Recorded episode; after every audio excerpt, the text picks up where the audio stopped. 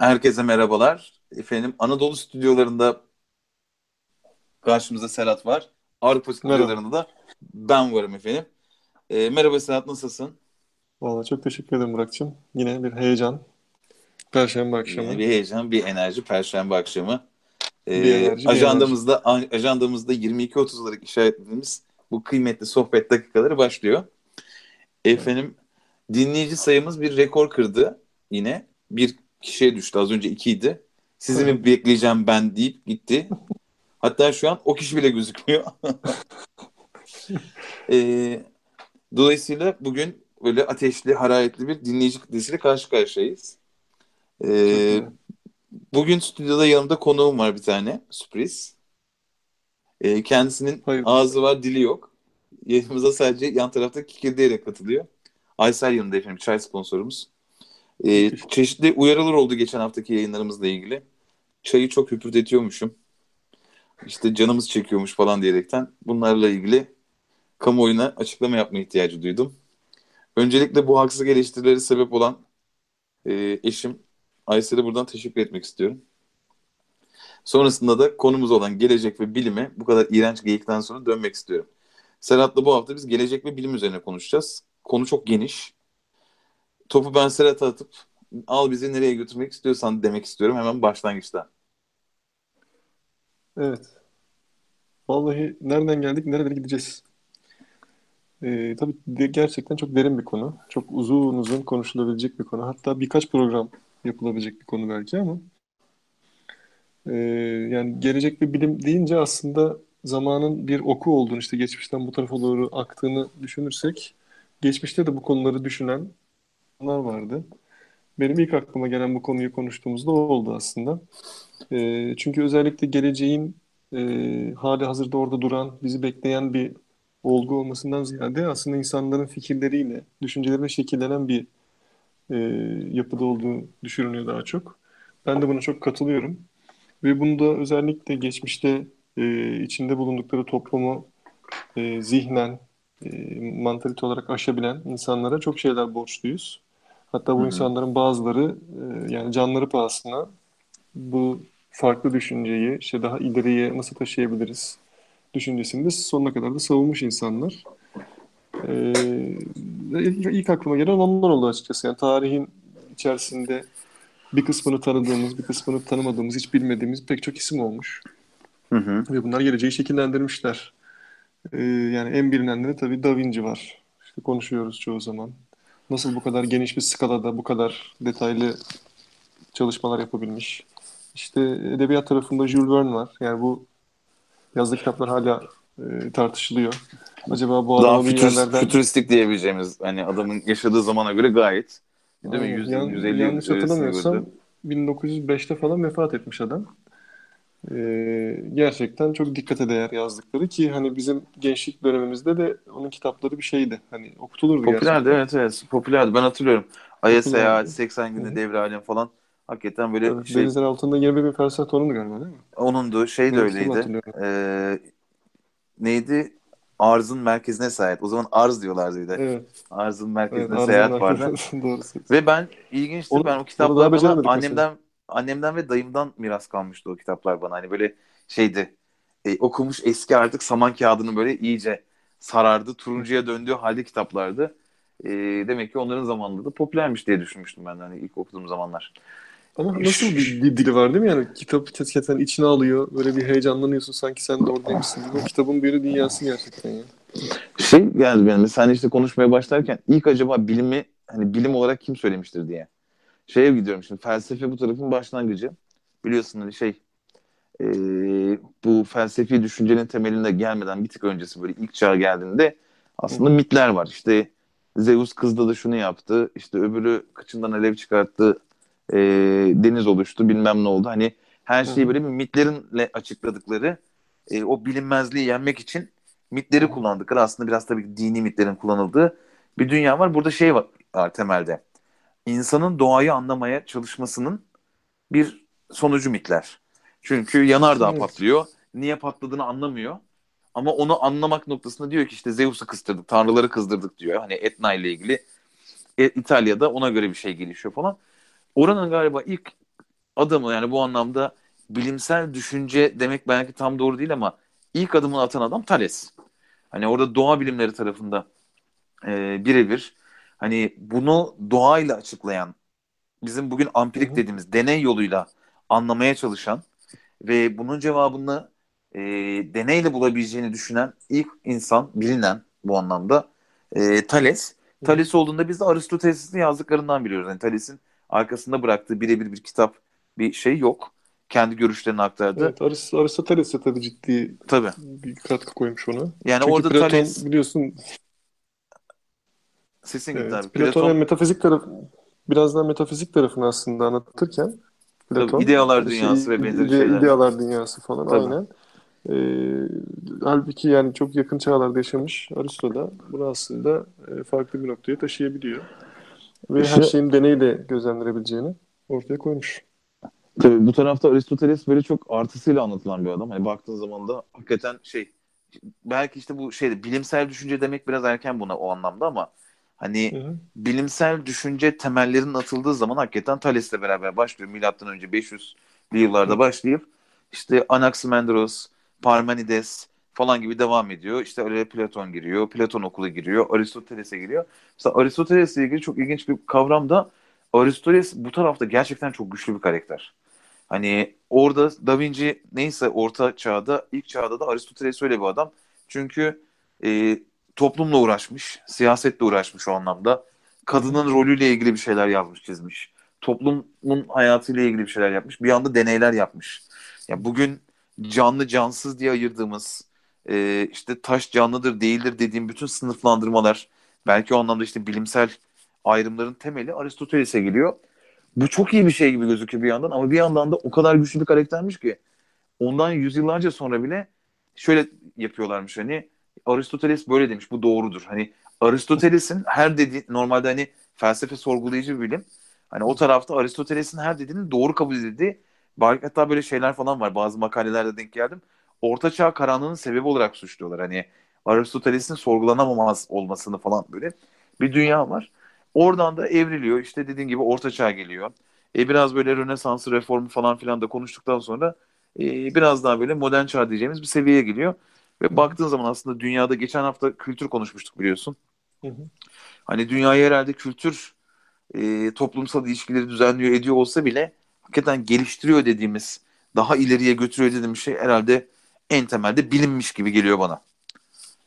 E, tabii şimdi e, kültürün ne kadar yaygın ve farklı geliştiğini görünce insan şaşırmıyor değil. Düşünsene hani kültürel alışkanlıkları ya da işte belki birazcık da hani antropolojik olarak hani modern toplumu değil de daha böyle e, ilkel toplumlardan itibaren oluştuğu şekillere bakınca e, kültürün ne kadar böyle dallanıp saçaklandığını görmek ilginç.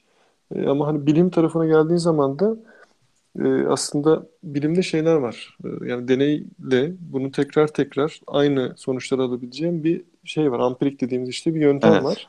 Ve dolayısıyla aslında bilim e, bir keşif. E, kültür insanların yaşayışıyla belki bir şekilde besleniyor ama e, yani kültürün çok çeşitli olduğu yerde bilim olmayabiliyor dönemlere Hı hı. baktığın zaman. Bilim için böyle bir bir çılgın, işte böyle bir bir zıp çıktı böyle bir tip lazım ki o böyle hani içinde bulunduğu ortamı ben birazcık bir Rahatsız. araştırayım. Rahatsız. Rahatsız. Evet ya da işte bir meraklı e, böyle icat çıkaran. Şöyle, şöyle diyebilir miyiz aslında? Mesela kültür tarafında böyle bir misyon yok. Şöyle bir misyon. Hani aslında kültür çok tabiata uyumlu bir durum. Yani o şartları kabulleniyor. O şartlara uyum konusunu kuşaktan kuşağa aktarıyor. Ama bilim tam tersi aslında baktığın zaman doğaya karşı insanların mücadelesiyle ilgili bir durum yani. Hani yeri geliyor işte bir set çekip nehre durduruyorsun. Yeri geliyor kullanıp yıldızlardan yol bulup o kıtalar arası seferlere çıkabiliyorsun. Hani aslında o doğanın karşımıza çıkarttığı, tabiatın çıkarttığı bütün güçlüklere karşı aslında bizi ileri götüren şey o anlamda bilim. Bu ilkel bir balta yapmak olsun. Hani o anlamda evet sonra hani bu kültürel tarafı vardır. işe yaramıştır kısmı ayrı ama bilimin böyle bir dediğin gibi hani sadece karakter olarak zıp çıktı rahatsız bir adamın takıntılarının dışında aslında duruş olarak zaten bilim o statikoya ve benzeri her şeye karşı bir durum var. Kendine bile karşı hatta bilimsel çalışmalar biliyorsun hani E, bazen şey diyorlar ya böyle Tabii, tabii. vatandaş tarafında işte bilim bugün böyle dediğinde yarın başka şey der. Aslında bu tam tersi işte bilimin kendini düzeltme ve ileriye götürme yolu. E, her şeye karşı bir durum var. Bir muhalefet durum var bilimin orada. Evet, bir de bu işte merak etme hadisesi aslında e, şeye çok katılıyorum ben. Şimdi baktığın zaman bu antik Yunan'da belli fikirler ortaya atılmış. İnsanlar e, tabii ki içinde bulundukları ortamlarda belki şey vardı. Hani vatandaş olanlar sadece işte ne bileyim politikaya doğrudan demokrasiye katılabiliyorlardı. İşte kölelik falan orada var. Yani dolayısıyla insanlar birazcık daha bilime, işte sanata belki vakit ayırabiliyorlar. Öyle bir rahatlıkları var diye düşünüyorum ben. Tabii. Çünkü Ç- çalışmak sonra aslında bir- onlara göre değil, soylulara göre değil, aristokratlara göre değil. Aynen aynen. Hani ondan sonra gelen bir dönem var ki orada artık işte feodalite var. Orada da asiller var aslında baktığınız zaman. Onlar da nispeten şey ama onlar birazcık daha bilimden ziyade e, farklı kanallar işte ne bileyim belki sanatla daha çok ilgilenmiş gibi gözüküyorlar. Çünkü bilimin gerçekten böyle bir e, uzun bir dönem e, çok büyük bir sıçrama yapamadığını da görüyoruz. Tabii bunu bazı hocalar e, şeylerle de açıklıyorlar. E, özellikle Celal Hoca, Celal Şengör. Yani dinle de bunu belki bağdaşlaştırıyor. Çünkü Olabilir. insan eğer evrenin sırrını bildiğini düşünürse e, tekrar bir meraka kapılmaya ihtiyaç duymayabilir herhalde. Ben öyle düşünüyorum. Ama oranın Ee, şey tarafı o değil mi? Mesela Sokrates'e geldiğinde mesela Sokrates'in böyle şeydir ya hani benim bildiğim tek şey aslında hiçbir şey bilmediğimdir. Yani aslında mesela orada işte felsefi bakış açısı şu açıdan önemli. İşte bilgi aslında hep arıyorsun. Yani bizim kendi hayatımızda senin benim de böyle çevremizdeki dostlarımız için de geçerli. Bir böyle bir arayış var. Hani belli cevapları buluyoruz, dönemsel konuşuyoruz. Aslında bak abi böyle aslında falan diyoruz ama sonra 3 ay geçiyor. Başka bir şey söylüyoruz. Üzerine bir şey koymaya devam ediyoruz. Bir böyle bir, bir bilginin peşinde koşma, bir bilgelikle ilgili bir derdi var felsefenin. Üzerinde de hani bilimin aslında o tam senin dediğin o meraktan doğan. Yani o işte abi burada bir şey var ve onun cevabını bulmak kısmı ile ilgili bir derdi var. Buranın zaten belki felsefe herhalde şeydi, filosofya, bilgelik Tabii. sevgisiydi yanlış hatırlamıyorsam. Evet, Yani bi- o, o zaten çok doğru. bizzat bilgeliği sevmek. yani orada şey falan vardır. Benim çok böyle hoşuma gider. Benim e, felsefeyle beni Sabri Hoca ta- tanıştırmıştır. Sabri Mandıracı askeri okuldayken. Hı. E, Sabri Hoca bana şeyi anlatmıştı. Zümrüdü Anka kuşunun, Sigmur kuşunun hikayesini anlatmıştı. Hiç duydun mu bilmiyorum. Bizim de mitolojik karakter olarak vardır. Evet. Ee, işte şey hani bir, bir grup bilim adamı şey arıyorlar, bu kuşu arıyorlar bulmak için. Hı hı. İşte dağ geziyorlar, tepe geziyorlar, vadileri, ovaları, ülkeleri dolaşıyorlar. Kuşu bulamıyorlar. Aramaya devam ediyorlar. Ve içlerinden bir tanesi diyor ki ben buldum hani kuşu. Diyorlar ki nedir? Hani nerededir? Hani göster bize. Diyor ki asıl işte o felsefe kuşudur bir yandan da bu arada Sigmund'un şeyi. E, kuşunun simgesi. Aslında işte aramak diyor. Yani eğer biz o kuşu arıyorsak diyor doğru yoldayız diyor ve aslında o kuş bu doğru yol. Ve onu buldum der. Hani bu hikayenin hep bana onu hissettiğimde de şey geliyor. Hani o çocuk e, askeri lisedeydim ben bu hikayeyi dinlediğimde. Aslında işte cevabını belki veremeyeceğimiz, doğrusunu belki hiç bulamayacağımız ama peşinden de hiç koşmaktan vazgeçemeyeceğimiz hepimizin hepimizin değil bir kısmımızın içini titreten bir yol bu. E, felsefeyle başlıyor ama sonrasında biraz daha belki deneysel, daha dünyayı açıklayacak formlarla bilim olarak devam ediyormuş gibi geliyor. Bu anlamda da hani teknolojiye falan filan günümüze bakınca da ne o temel bilimlerin bizi getirdiği yer hakikaten yani çok değil yani böyle şey 2000 yıl önceki halimizle bugünkü halimiz arasında bayağı büyük fark var yani hani. Ya ben şunu söyleyeyim, bizim jenerasyonu düşünürsen aslında 20 yıl önceki halimizle şu an arasında da ciddi bir fark var ve bu fark her geçen dönem daha da katlanarak büyümeye devam ediyor. Tabii burada bu arayışta şöyle bir şey de var Burak Hanım. Geçmişten bu tarafa geldiğimiz zaman bu arayışı insanlar çeşitli yöntemlerle gidermek ihtiyacı duyuyorlar. Çünkü gerçekten insan merak ediyor etrafını ve bunun en makul ve mantıklı açıklaması da aslında deney ve gözlemle biz bunu sistematik biçimde ortaya koyabiliyoruz ve bunu biriktirebiliyoruz en önemlisi. Yani hani yaptığımız deneyleri muhafaza ediyoruz, onları tekrar tekrar yapıyoruz. Yaralıyorsak bir daha yapıyoruz ve bununla ilgili deney yapmakla ilgili mesela sistemler geliştiriyoruz. İşte hatalar, istatistiksel, istatistiksel veriler falan geliştiriyoruz. Ee, bu anlamda tabii ki gelişmenin önünde e, çok büyük bir engel kalmıyor baktığı zaman bu şekilde baktığı Bu zaman. az önce değinecektim ama geçmişte mesela bilimsel gelişmenin hızıyla bugün arasındaki çok ciddi bir fark var diyoruz ya. Orası birazcık şeyle ilgili. Ee, bilgi ve iletişim teknolojilerinin aslında bir arada gitmesiyle ilgili. şey söylüyorlardı mesela yani ilk çağ hatta bir karanlık çağ böyle yazından öncesi falan. Şimdi bilgi az, iletişim çok az. Dolayısıyla orada bir teknoloji ve kültürün aktarımı çok söz konusu olmuyor. Hı hı. Şeye geldiğin zaman da e, işte orta çağa geldiğin zaman burada bilgi tarafında bir hareket var ama hala iletişim sıkıntı. Hani atıyorum Da Vinci olarak sen çalışıp e, ya da ne bileyim Arşimet olarak hani daha biraz daha orta çağın gerisinde çalışıp bir şey bulsan bile o bulduğunun yayılımı, başka birine aktarımı ancak kitapla, kütüphaneyle, elle çoğaltma gibi çok ilkel yöntemlerle yapılabiliyor. Ve dolayısıyla o bilginin dünyanın başka bir ucuna gitmesi belki de yüzyıllar alıyor. Atıyorum Çin'de bulunan barutun, e, porselenin, kağıdın Avrupa'ya gelmesi e, uzun bir süre yani 100 yıla yakın bir süre alıyor Zaten baktığında. şöyle değil mi Burak? Hani antik Yunan'daki bazı fikirlerden etkilenen işte İslam e, e, tarafındaki bilginler Aydınların. var, aydınlar var. Bu sefer İslam aydınları bu fikirleri düşünerek ve geliştirerek çok ciddi mesafe kat ediyorlar. O, o sırada Avrupa'da ciddi bir durgunluk var.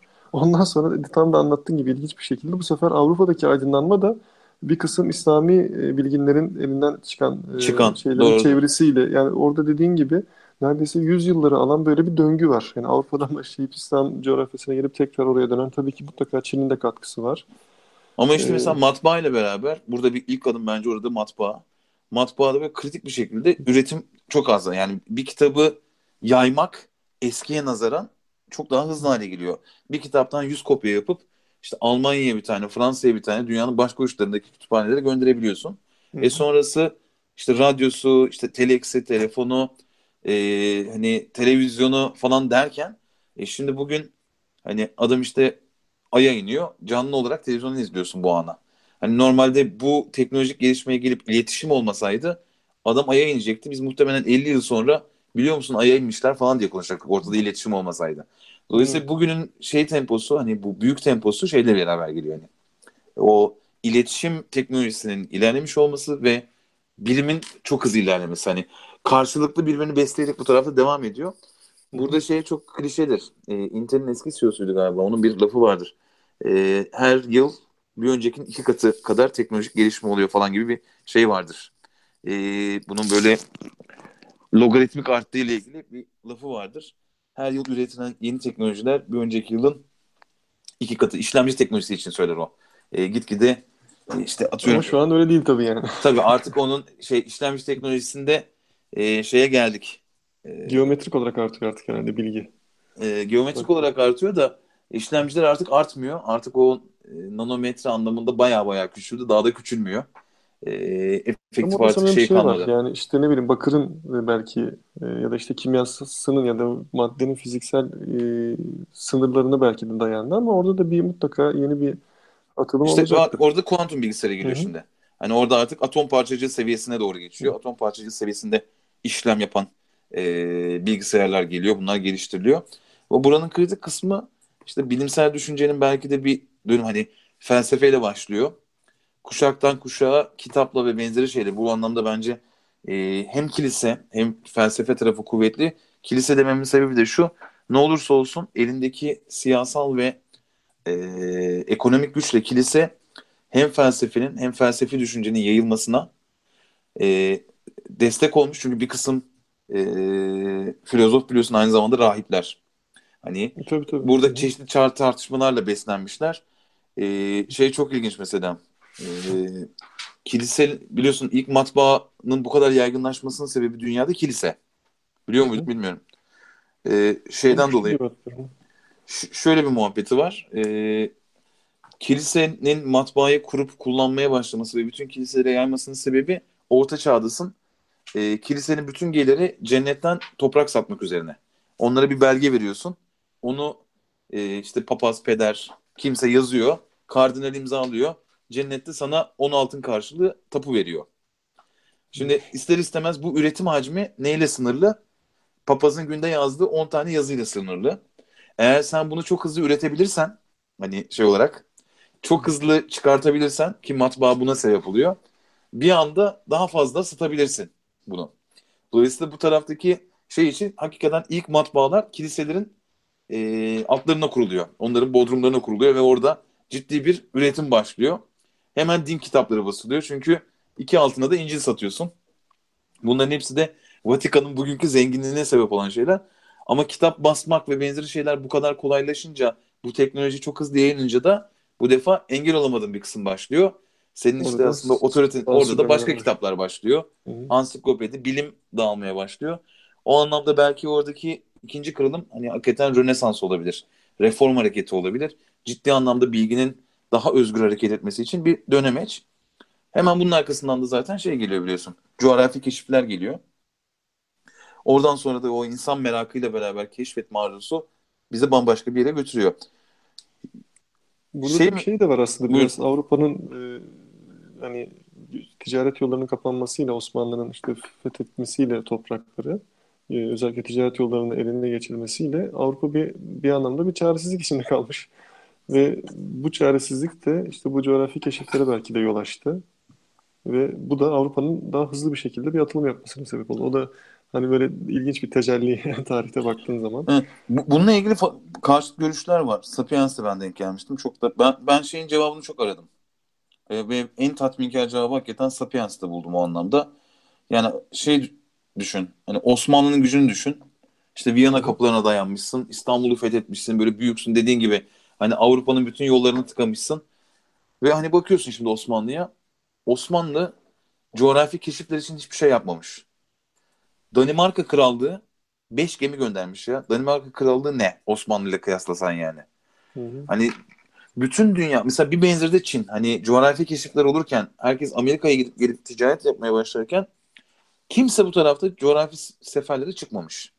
Bunun gerekçesinin mesela ben uzunca dönem bilmiyordum yani hani e, doğru muyu da bilmiyorum. Hani bu anlamda tarih biraz tabii dönüp yorumlamaya açık.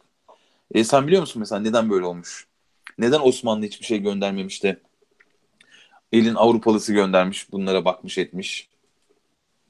Sen bunu bir, bir ara bir anlatmıştın hatırlıyorum ben de. Serhat'cığım anlatıyorum anlatıyorum ama Şundan Kime dolayı anlatıyorum? Ha, şundan dolayı o Sokrates'teki felsefenin getirdiği birikim işte Osmanlı'da e, biraz belki burada hani dinleyicilerimiz bizi beni yanlış anlamasınlar ama hani biraz din etkisiyle biliyorsun çünkü İslamiyet çok böyle iddialı bir din. Diğer dinlerden farklı olarak. Her şeyin cevabının olduğu bir kitaptan bahsediyor.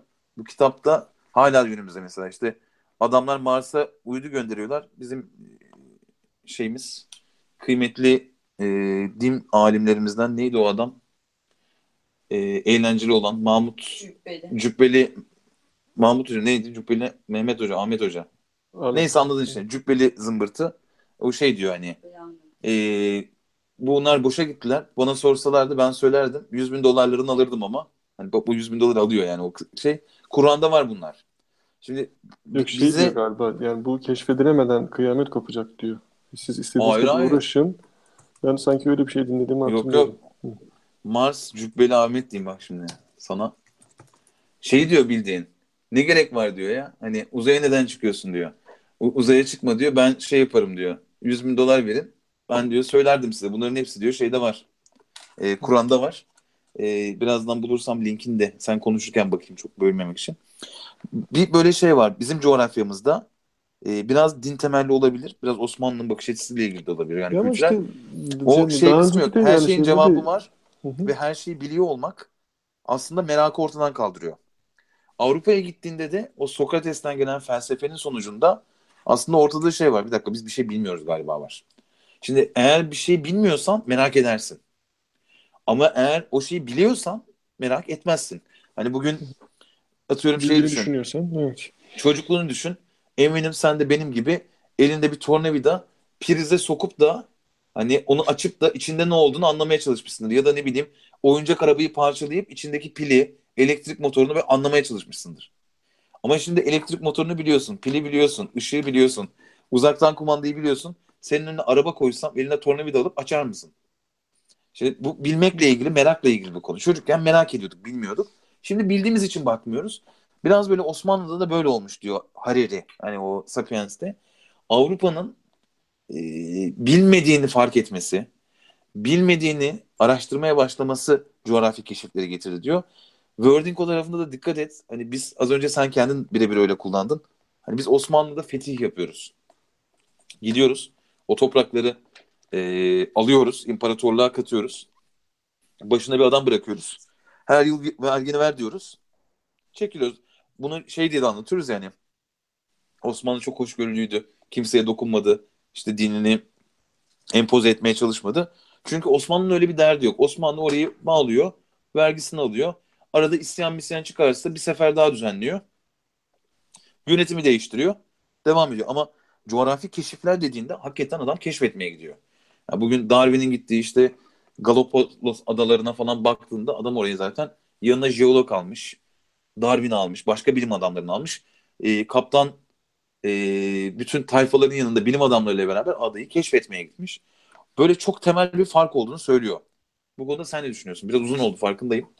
Ama hani e, şey kritik. E, senin bu tarafta söyleyip beni yönlendirebileceğin kısım kritik.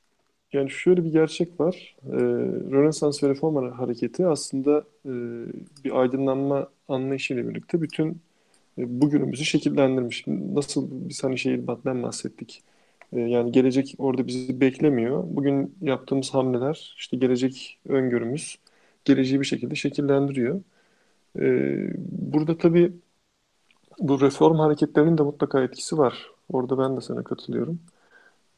E, zaten orada Avrupa'da da e, pek çok ülkede yaşanan bu reform, bu dönüşüm işte belki matbaanın yayılmasıyla da insanların hem dini metinlere hem de diğer işte metinlere daha kolay ulaşmasıyla da e, geleceğin şekillenmesine ciddi bir katkı yapmış. Burada tabii e, yine de şey var. Mesela bizim tarafa geldiğin zaman hani İslam coğrafyasına geldiğin zaman bence bu doğrudan hani dinle ilgili mi çok emin değilim. Çünkü e, tarihte yani bizim dinimize mensup olan pek çok bilim adamı da var ki onlar bu tutkularından vazgeçmemişler. Yani onlar yine araştırmaya devam etmişler. Dolayısıyla iyi yaşa. ee, yani aslında orada şöyle bir sıkıntı var sadece. Çıktığı hani çıktığı hep Allah'a bağlamışlar ya. Hani onu sorgulamamışlar ya ben ona takılıyorum. Hani İslami olması ya da bu şey için de geçerli. Kilisede olup bilim yapan insanlar için de geçerli. Hani dönmüş konu işte atıyorum su 100 derecede donar. Çünkü işte bu Allah'ın inayeti falan gibi. Anladın şey mı? Var. Şimdi e, şimdi bizim aslında metafizik, fizik ötesi dediğimiz kavramın e, boyutunu düşün. E, bir de o dönemki fizik bilgisini düşün. Şimdi bu metafizik dediğimiz olayın bir kısmı belki de bilimin ilerlemesiyle bir şekilde ifade edilebiliyor. Yani dolayısıyla aslında şöyle bir durum var. Metafiziği biz hiç şu ana kadar e, tam anlamıyla açıklayabilecek bir yeteneğe sahip değiliz. Metafiziğin de zaten olduğunu düşünüyoruz ya da işte inanıyoruz buna. İşte gelen kitaplara dinimize inanıyoruz işte falan. E, dolayısıyla aslında bunlar birbirini yanlışlayan şeyler değil aslına bakarsan. Değil, Böyle değerlendirmemek değil. lazım. Ama hani şöyle bir durum var. Bilimin metafiziği açıklayabilecek bir enstrümanı yok. Çünkü ee, metafizik da... yok. Hani bilim işte. oraya şöyle yapıyor. Hani ben öyle düşünüyorum. Hani metafiziği açıklayacak dediği şey olmaması ile ilgili olabilir. Hani e, orada çünkü sözde bilimci arkadaşlar falan da bunun üzerine çok giderler. Yani Hı-hı. şey diyorsun. E, ölçülebilecek hiçbir şey yok. O şeyin Carl Sagan'ın örneğidir. Hani garajdaki fil. E, diyorsun ki ısı ölçer, onun ısısı yok. Aman sesi yok. Aman bilmem nesi yok. E, benim buna ölçebileceğim hiçbir şey yok ama bana diyorsun ki garajda bir fil var. Hani abi işte o yok hani öyle bir şey yok o zaman. O yüzden çok şey yapamıyorum hani. Ya işte o konularda o yüzden, ben biraz köşeli kalıyorum yani. Evet yani bu konuları tabii şey değil. Bu mevzumuz bizim teknoloji ve şey, gelecek ve bilim olduğu için oralara çok belki girmeye gerek de yok. Çünkü Sana şimdi kıymetli kıymetli bir bilim adamımızın NASA ile ilgili açıklamalarını çalacağım şimdi. Bekle. Nasıl? Yani o kadar 70 milyar dolar, 100 milyar dolar. Ver bana 100 bin dolar ben sana hepsini söyleyeyim ya. Ne cahil adamsın. Ama bunun baş, Kur'an'da başı... var, hadiste var. Bakmıyorlar ki. Salaklar. Yani dikkat et. 100 bin dolar istiyor bir kere. Hani o net. Hani 70 milyar dolar harcamana gerek yok diyor NASA'daki cahillere.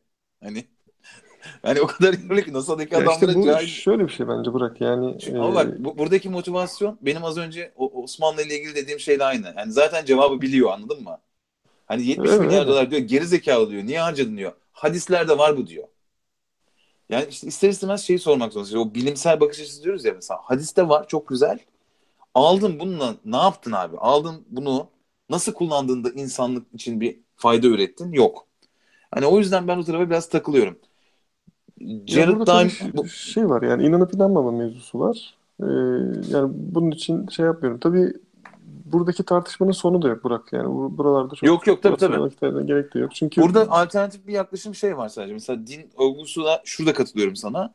Mesela Çin'de İslamiyet yok. Yani konu diyorum ya İslamiyetle ilgili değil. Hı hı. Dünya bakış açısıyla ilgili. Çin tarafında da şöyle bir durum var. E, adam barutu bulmuş düşün. Kağıdı bulmuş, porseleni bulmuş. E, biz İpek yolu dediğin şey Çin'de üretilen ürünleri Avrupa'ya götürmek için var olmuş bir şey. Hani medeniyet anlamında. Ama Çin'in de mesela bir keşif yok. Çin'in de bilimsel düşüncenin ilerlediği bir dünya yok. Burada çok ilginç bir yaklaşım getiriyor. Jared Diamond o Tüfek Mikrop Çelik Hmm. kitabında o da şunu söylüyor. Belki o yani bir ikinci yaklaşım olarak burada o konuşulabilir. Şey olarak söylüyor orada da. Avrupa derebeyliklerle toprak sahibi o feodal düzenle çok bölünmüştü ve çok ciddi rekabet vardı. Ama Çin'e geldiğinde imparatorluk var, devasa, sıfır rekabet çevrede. Anladın mı? Yok olma ihtimalin bile neredeyse hiç yok Çin olarak. Çünkü o, o büyük toprakların tamamı sana ait. En ufak tehdit yok, şey yok. Bu anlamda seni gelişmek noktasında motive edecek hiçbir şey yok. Tam tersi e, diktatörlük içinde geçerlidir ya. Mesela şey Sovyet tarafındaki e, diktatörlükleri düşün. Lenin falan gibi şeyleri. Hı hı. Hani mesela bilimde çok büyük atılım var. Çünkü hakikaten vizyoner bir diktatör var ortada. Hani bununla Amerika'ya geçebileceğini düşünen, dünyayı bununla yönetebileceğine inanan. Ama Çin'de mesela şöyle diktatörler gelmiş. Bütün üretilmiş kitapları yaktırmış adam. Burada tehdit görmüş şey yapmış. Hani orada rekabetin olmaması bir şey. Live chat'ten de İrfan yazdı. Ee, Osmanlı tehditti. Adadan çıkma eylemini tetikleyen şey de Avrupalılar için. Bence dünyaya yok olma ihtimaline karşı Mars'ı yaşına bir hale getirme vizyonunda hayatta kalma içgüdüsüyle ilgili demiş. Osmanlı'nın hayatta kalmak gibi bir derdi yoktu. Aslında o büyük tehditti diyor. Biraz belki bu benim söylediğimle mevcut Osmanlı tarafındakinin arasında olmuş İrfan'ın söyledi. Hani orada aslında Avrupa'daki rekabet çünkü diyorum ya yandaki feodal yapı gidip e, İspanya'dan kalkıyor gidiyor işte altın buluyor Amerika'da, Güney. Amerika'da. Oradaki zenginliği getirirken sen burada geride kalıyorsun. Sen de bu tarafta yatırım yapmalısın. Orada bir rekabet durumu var. Bir yandan da bence Osmanlı tehdidi de doğru. Hani o tarafta e, o da zaten senin başta söylediğin şey gibi. Yani bütün yolları tıkamışsın zaten. Adamın o tarafta artık böyle bir Çaresi şey yok. yapmaktan başka çaresi yok yani. İrfan Efe'nin buradan hem selam edelim bizi dinlediği için hem de teşekkür ederim katkısı için. Ee, Tek dinleyen kişi herhalde şu an. yok gerçekten inanılmaz. Dört kişiyiz şu an. Dört kişiyiz. Bence Maşallah. pozitif şekilde artmakta. Ee, Bu arada senin dediğine bir şey katkı da belki şöyle yapabiliriz. Hani bilimin gelişmesine e, çok ciddi katkı veren e, bir endüstride savaşlar belki de ordular. O belki Tabii. rekabetle de alakalı. Tabii ki emperyal dünya hayalleri de burada etkili. İşte e, işte denizciliğin tabii ki böyle bir dünyada denizciliğin de gittikçe gelişmesi, e, işte insanların farklı kültürleri ve farklı e, imkanlara daha rahat ulaşabilmeleri. E, bunlar hep böyle nasıl diyelim birbirini böyle tetikleyen, Tabii, tabii. birbirini yukarıya taşıyan olgular şeklinde ilerlemiş. Şimdi sen biliyorsun sosyoloji okuyorsun. Ben de şey okuyorum. E, iddiaya göre felsefe okuyorum ama bak şimdi ders isimlerini söyleyeceğim sana. E, şu dersleri alıyorum ben. E, sosyal bilimlerde temel kavramlar, sosyal Evet. politika, sosyolojiye giriş. tamam mı? Felsefe sadece bir ders. Bizde de öyle. Psikoloji, psikoloji bir dersim. Tamam mı? Uygarlık tarihi alıyorum bir de bunun dışında. Şimdi şu an üç dersim sosyoloji. Tamam mı? Ben hatta şey dedim böyle. E, bayağı ben sosyoloji okuyorum yani. Bak beni felsefe diye kandırmışlar. muhtemelen senin zaten benzer şekilde sosyoloji ağırlıklı senin de. Muhtemelen felsefe de var ama hani. E, bendeki programa yakın. E, şimdi oradaki sosyolojiyi okurken de hatta şey, şeyi çok imrendim. Hani aa dedim aslında felsefe sosyoloji mi seçseydim çok çekici konu. Hep Hı hı. aslında şeyi anlatıyor da hani şu ana kadar böyle yakın takip ettiğim kısım işte o diyorum ya mücadele bu bazen doğayla hani belki ilk çağlardan itibaren öyle gelişiyor. Bazen insanla bazen başka toplumlarla devam ediyor. Hatta toplumun mücadele- kendisiyle de bazen. Tabii kendi içinde de dinamik olarak devam ediyor. Oranın belki de kıymetli konusu o Rönesans ve benzeri şeyde şimdi kritik kısım bizim bu emperyal devlet dediğimiz kavramın oluşması. Emperyal devlete gelmeden önce çünkü aslında finans gücü kilisede. Kilise bu finans gücünü ağırlıklı olarak şeyde kullanıyor işte yeni kiliseler yapmakta ve kendi misyonunu yaymak noktasında kullanıyor. Ee, vaatleri düşün, Haç, Haçlı seferlerini falan da düşünürsen git işte orada altın var. Ganimetleri yağmalayacaksınız, cennete gideceksiniz falan diyor. Hani çok temel şeyler. Ve baktığın zaman oradaki sıradan adamın hayatına baktığın zaman adam çiftçi. Yani hayatında değişecek, gelişecek çok fazla bir şey yok.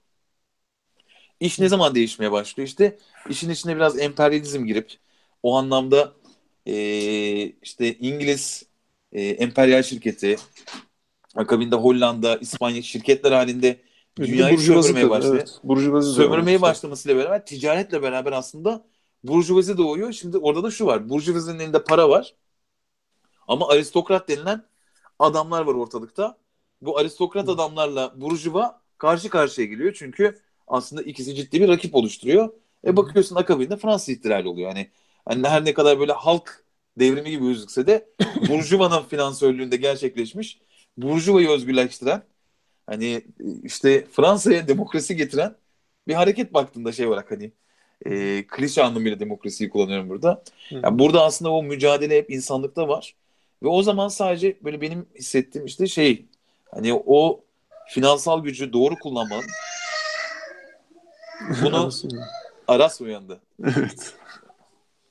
Ee, işte mücadele hayat be kardeşim. Yapacak ne şey işte hayat mücadele. Ne zorluklarla yapıyoruz bu yayını bir bilsen.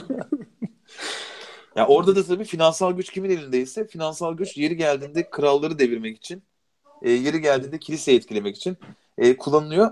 Ve burada da galiba bilimin kıymetli olduğu aslında bu dönemde daha önem arz ediyor. Çünkü coğrafi keşifleri yapmak için atıyorum daha iyi gemi yapmak, daha büyük gemi yapmak, Bunların hepsi teknolojik gelişme aslında. Böyle Age of oynarken şey yapıyorsun ya, çağ atlıyorsun ya. Böyle onun gibi yatırımlı olan şeyler. Sanki aslında bizim bugün konuştuğumuz anlamda teknoloji birazcık böyle sanki orada daha hissedilir hale geliyor gibi geliyor bana. Bir de tabii yani esas büyük patlama herhalde şey yani endüstri devriminden sonra oluyor.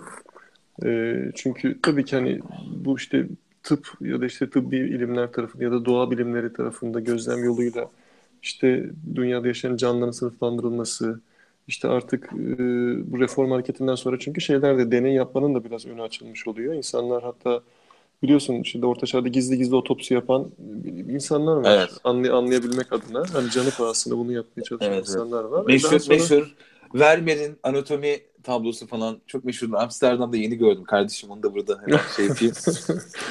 ben Amsterdam ekranından diyorsun. E, ve tabii ki tabii hep söylenen buhar, buhar gücünün, daha doğrusu buhar demeyelim buna şey diyelim, enerjinin transferi. Yani ısının, ısı, ısı enerjisinin hareket enerjisine dönüşmesi insanların aslında o güne kadar e, yaşadığı pek çok Aslında zorluğu... şey mak- makine makinelerin ilk zaferi baktığın zaman hani. E, evet. Ve yani ister bunun... buharlı olsun şey olsun ister elektrik olsun makinelerin ilk zaferi insanlara karşı. Hani bugün Endüstri 4.0 falan konuşuyoruz ya orada daha bunun ilk adımlarının ta oralara kadar dayandığını düşününce çok ilginç geliyor insana. E, bu çünkü şuna yarıyor. E, bizim hani nasıl insan elini kullanmaya başladığı zaman işte etrafıyla ilgili farklı bir algı oluşuyor.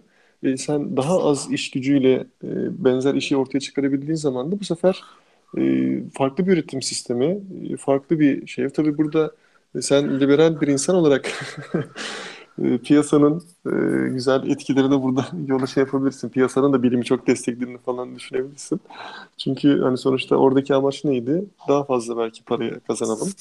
Ve bunun için de üretim olanaklarını e, işte böyle geliştirebiliriz gibi. Bunun da mutlaka bilime bir katkısı oldu. E, ama bugün gelinen noktaya yavaş yavaş hani buralara da artık gelirsek ya bugünden sonrası çok acayip bir dünyaya doğru gidiyor. E, bunun çünkü biz bu endüstri devriminin de mesela sosyal sonuçları oldu. E, işte meşhur işte sınıfların ortaya çıkması. Tabii işte, kentleşme falan diye konuştuğumuz bir kentleşme var. Konuşuyor. Sınıfların tabii. ortaya çıkması var. Ee, ondan sonraki süreçte tabii şimdi ben inşallah birazdan konuşacağız. Önümüzdeki dönemde de çok farklı sınıfların ortaya çıkma ihtimalini e, biraz hissetmeye başladım. E, çünkü bugün gelinen nokta endüstrinin ufak ufak getirdiği toplumsal değişmeleri gördük. Çok hızlı yaklaşık ne kadar oldu? 100 120 sene diyelim buna kaba taslak. E, ama hani bundan sonraki süreç böyle bir sıçrama değil böyle bir ışınlanma gibi e, gözüküyor önümüzde. Hani çok hızlı hani şey, olacak evet. Çok hızlı olacak. Çünkü mesela hep şeyler vardı işte. Geçtiğimiz işte 100 yılda üretilen bilginin e, ilk başta 15 yılda 20 yılda üretildiği Ondan sonra bu bilginin 3 katının işte 5 yılda üretileceği ve gittikçe bu bilgi katlanarak devam ediyor ve e, tabii ki şu andaki sistemler daha bu bilgileri depoluyor. biz bu bilgileri şu anda kendi imkanlarımızla analiz etmeye çalışıyoruz ama özellikle yapay zekanın devreye girmesiyle bu bilgilerin böyle çapraz kontrolüyle falan çok ilginç bir yere doğru gideceğiz gibi duruyor. Burada şey söylemek lazım bence. Hani e, bu değişim kısmına kesinlikle katılıyorum. Yani çok hızlı değişecek ve hiçbirimiz de buna hazır değiliz. Pek hazır olacağımız bir durum değil ama yani buraya geçmeden önce hani o işte sanayi devrimi dahil olmak üzere aslında şunu konuşmak lazım. Bir sosyolog olarak da senin tarafında sıklıkla da programda, kültür tarafında falan da konuştuğumuz gibi. Aslında bu mesele bir kap işi. Yani doğru bir e, çevreye, bir kültüre, bilimin kendini gösterebileceği bir toplumsal altyapıya ihtiyaç var. Hani bizdeki mesela durum şu. Yani Avrupa'ya baktığında ya da işte Amerika'ya baktığın zaman temel bilimler çok kıymetli. Yani bizim ülkemizde temel bilimlerle ilgili bir şey yapacaksan akademisyen olmazsan açsın abi. Yani gidip jeoloji okuyorsan ne bileyim fizik, e, okuyorsan, fizik ya. okuyorsan kimya okuyorsan ya çok temel şeyler ya çıkacaksın enformasyon alıp hoca olacaksın öğretmen olacaksın KPSS'ye falan girip sürüneceksin ya da hiçbir şansın yok. Şimdi burada işte bir şey var o, o Osmanlı için gösterdiğimiz kap gibi.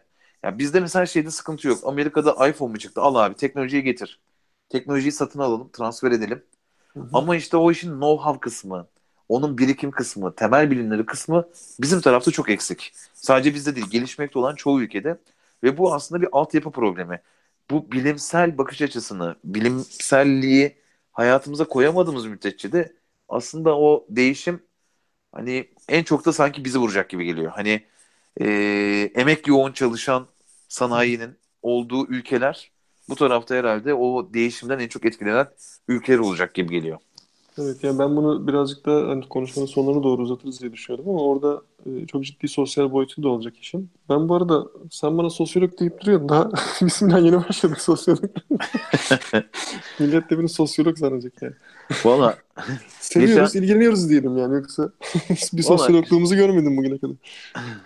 Ya işte işte toplumun üzerine atıp tutuyorsan sosyolog olmuşsundur ya. Birazcık biraz düşünen insanlara biz filozof dediğimiz için hani Mustafa Topaloğlu'nun bize seslenişi aklıma geliyor felsefe yapma falan diye. Düşünsene kültürel olarak zaten bunların hepsi bizde şey e, yanlış şey lafı da var yani düşün düşün yani yaşlı düşün. Yani, aynen. bu, bu tarafta mesela işte şey ilginç geliyor. Ee, Aziz Sancar'ın bugün bir konuşmasını attım ya. Hani şey diyor siyasetten uzak kalın. Gördüm bilmiyorum grupta paylaştım. Hani siyasete falan bulaşmayın. Bu başkalarının Hı-hı. işi. Hani siz bilime bakın. Ve çok güzel bir laf ediyor yani. İnsanlığa yapacağınız katkıyla ilgilenin. Hani şimdi şeyi düşünüyorum. Kaçımız insanlığa katkı yapmak gerektiğiyle ilgili bir fikre sahip ya. Bırak hani yapmayı. İnsanlığa katkı diye bir derdi var. Bir huzursuzluğu var. Bir rahatsızlığı var. Ve bu mesele işte o kültürel kapla ilgili. Bu şu demek değil yani. Almanya'da doğan bir çocuk e, kurtlu yani sabah kalkıp e, laboratuvara girip yeni bir şey icat etmeye çalışmıyor. Ama e, bizim ülkede bilim adamı olmak isteyen insanla Almanya'da olanı kıyasladığın zaman oransal olarak ciddi bir fark var yani. Çünkü orada hakikaten belki doğru şey olmayabilir ama yani bilim anlamda belki bir din orada yani böyle din gibi belli konularda tabu gibi e, doğrusunun ne olduğu ve onun peşinden gidilmesi hakikaten ilkokulda öğretilmeye başlanıyor. Üniversitede de devam ediyor.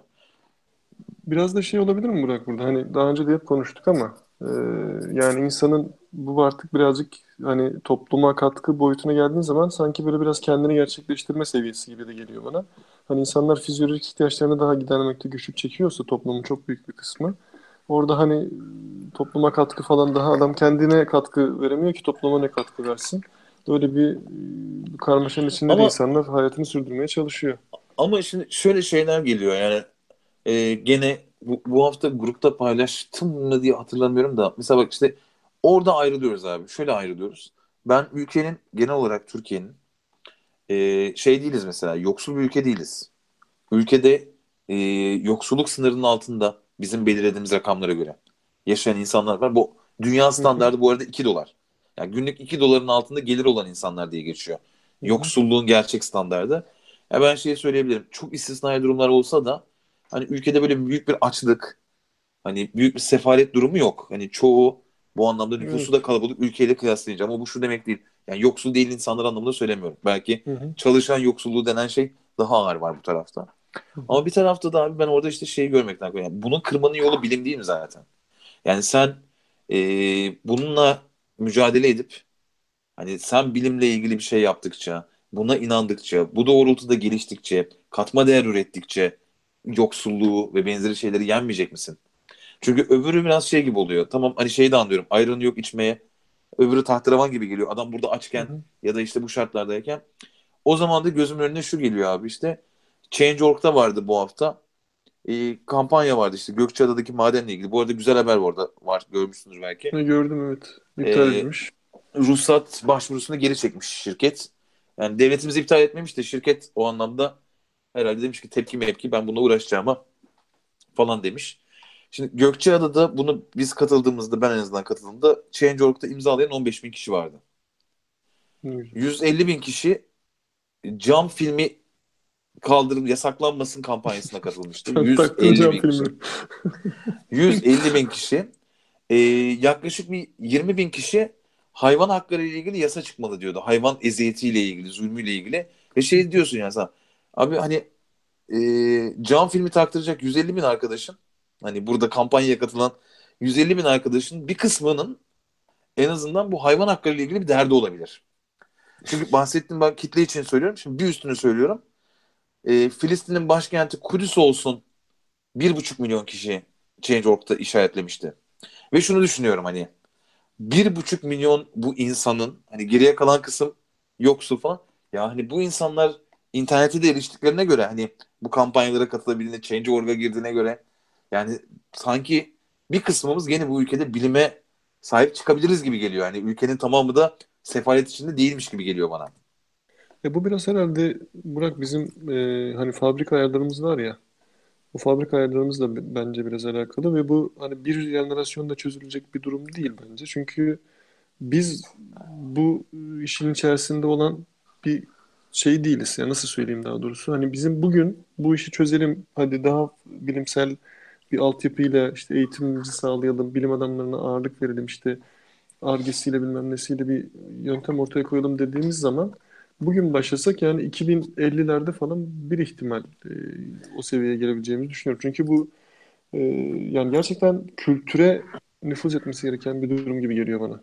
Yani çocukların Ama böyle bir ortama aslında. doğmaları, böyle bir ortamı bilmeleri, anlamaları, evet. o merakı çocuklara aşılamak, ondan sonra çocuklara bu merakı aşılamak da yetmiyor. Onlara bu merakını giderebilecek bir ortam sağlamak.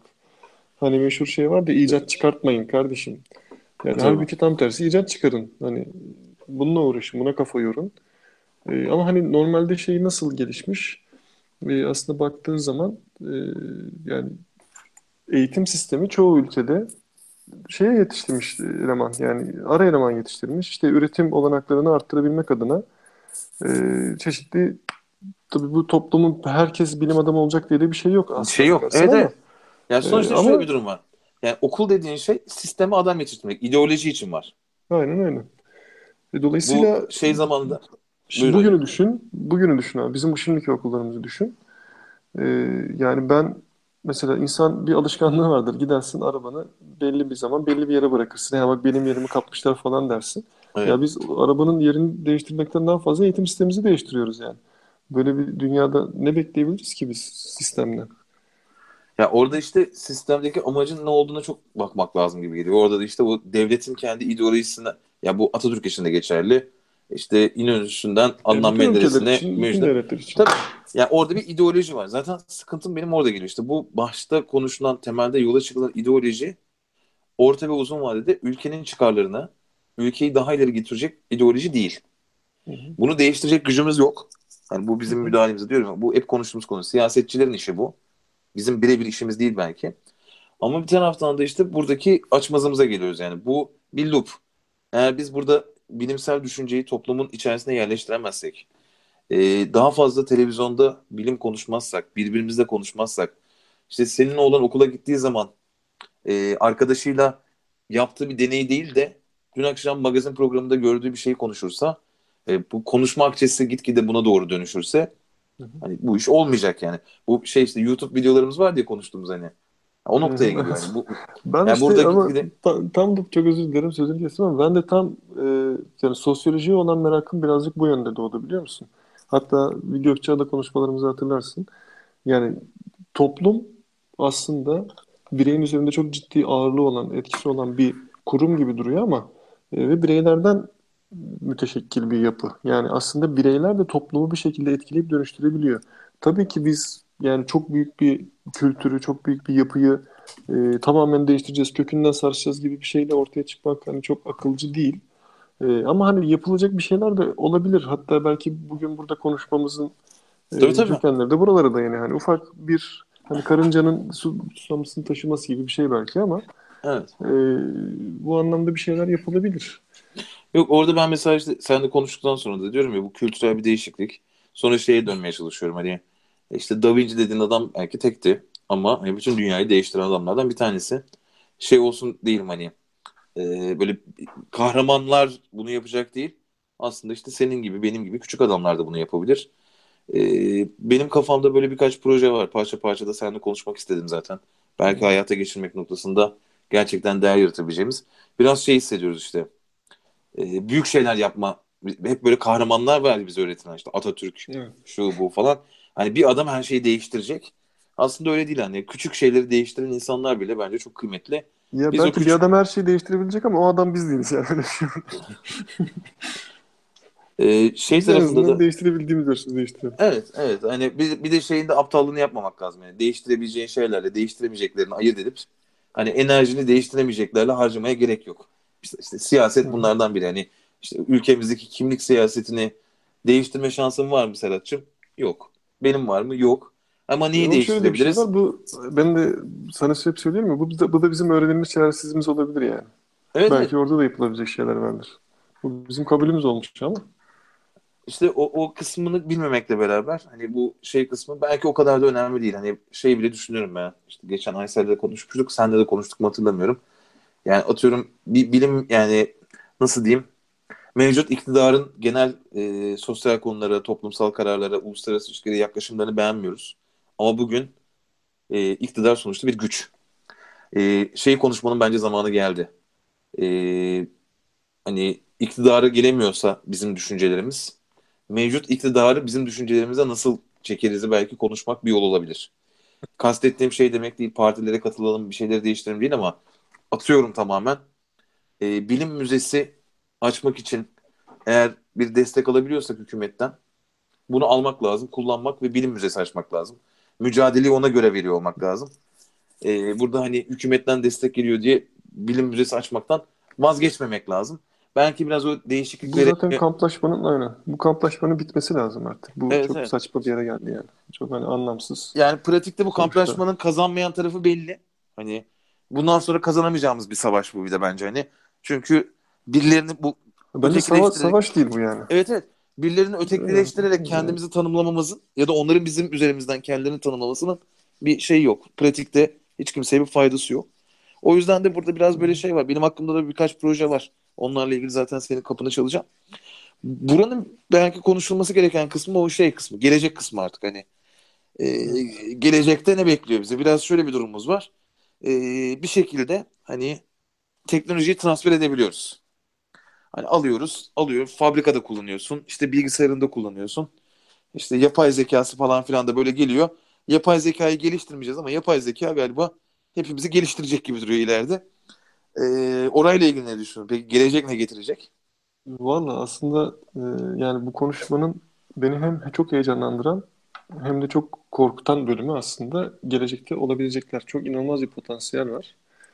E, hatta geçen gün e, birazcık da üzerine geldi. Ben bugün gerçekten bilim ve gelecek konusunu seninle de konuştuk ya. Ben sanki bugün kentleşme konuşacağız gibi kalmış aklımda. E, bizim şirkete geçen gün biraz da tesadüf oldu. E, Alpan Manas... Şey mi diyorsun? Gele- ge- gelecekte gelecekte kentleşme mi olacak? Yok yok hani ge- ben İki konuyu birleştirerek orada. Ha, gelecek konusunu ben hiç görmemiştim şeyde bizim o listede. Allah Allah dedim gelecek. Hatta ben geleceği öyle şey yapmıştım, atmıştım biraz yani şeyde. Çünkü e, beni etkileyen bir toplantı oldu bizim şirkette de. Alpan Manas geldi tanırsın. Ee, Evet ben tanırım ama pek kendisini şey yapamam ama neyse. Ben kendisini çok yakından takip ettiğimi söyleyemem. Ee, ama hani anlattığı şeyleri çeşitli kaynaklardan hepimiz takip ediyoruz. O birazcık daha derleyip toplayıp anlattı. Ee, bir Sunumunun başında hala şey yazıyor mu? Mensa Türkiye kurucusu. E, olasılığımın başında başka şeylerle ilgileniyorum. Yani çok komik bir şey adam. bilemedim. Yani Üstün şey. Zekalılar Derneği kurucusu olduğu için kendisi. Hani Evet. Böyle- Onları, ya bu biraz Al- şey alnın, alnına yaz gez, alnına yaz gez. Anlamadık zeki olduğunu. Yani şöyle görüyorum ben bu e, bu da bir pazar aslına bakarsan. Hani bir şekilde değerlendirdiğin zaman. Ama hani anlattıklarını ben yani kendisiyle de pek pek ilgim yok Evet, açıkçası. Anlattıkları konulara daha çok ilgim var. Çünkü anlattıkları konuları dediğim gibi pek çok farklı kaynaklarda zaten e, üç aşağı beş yukarı takip edebiliyorsun. Ne diyor Ee, şimdi Alpan Hocam? Abi şimdi şöyle bir şey var. Ee, bir kere e, çok devasa bir yapı geliyor. Biz bunu göreceğiz ya da görmeyeceğiz. Şöyle ki, şimdi öncelikle bu insan genom projesini yıllardır konuşuyoruz. İnsanın Tamam, DNA bitti. yapısı artık üç aşağı beş yukarı bitti. Bitti Ve bitti şu çıktı. anda şunu şu anda şunu yapabiliyorsun yani. Ben işte çocuk sahibi olmak istiyorum ama benim çocuğumda şu şu şu özellikler olsun ya da şu şu şu hastalıklara karşı tedbir alalım. Bunlar olsun, bunlar olmasın. Aslında çok Ya yapamıyorsun ama yapabilecek bakarsan- teknolojiye sahipsin. Ama şeyleri ayıklayabiliyorlar bildiğim kadarıyla bırak. Mesela şu hastalık geni var. Bunda bu hastalık geni var. E, bunu kullanmayalım diyor en azından şu aşamada. Yani şöyle o, Ya çünkü aslında hani o, o gibi olacaksa- değil. Yani şöyle genlere bakıyor.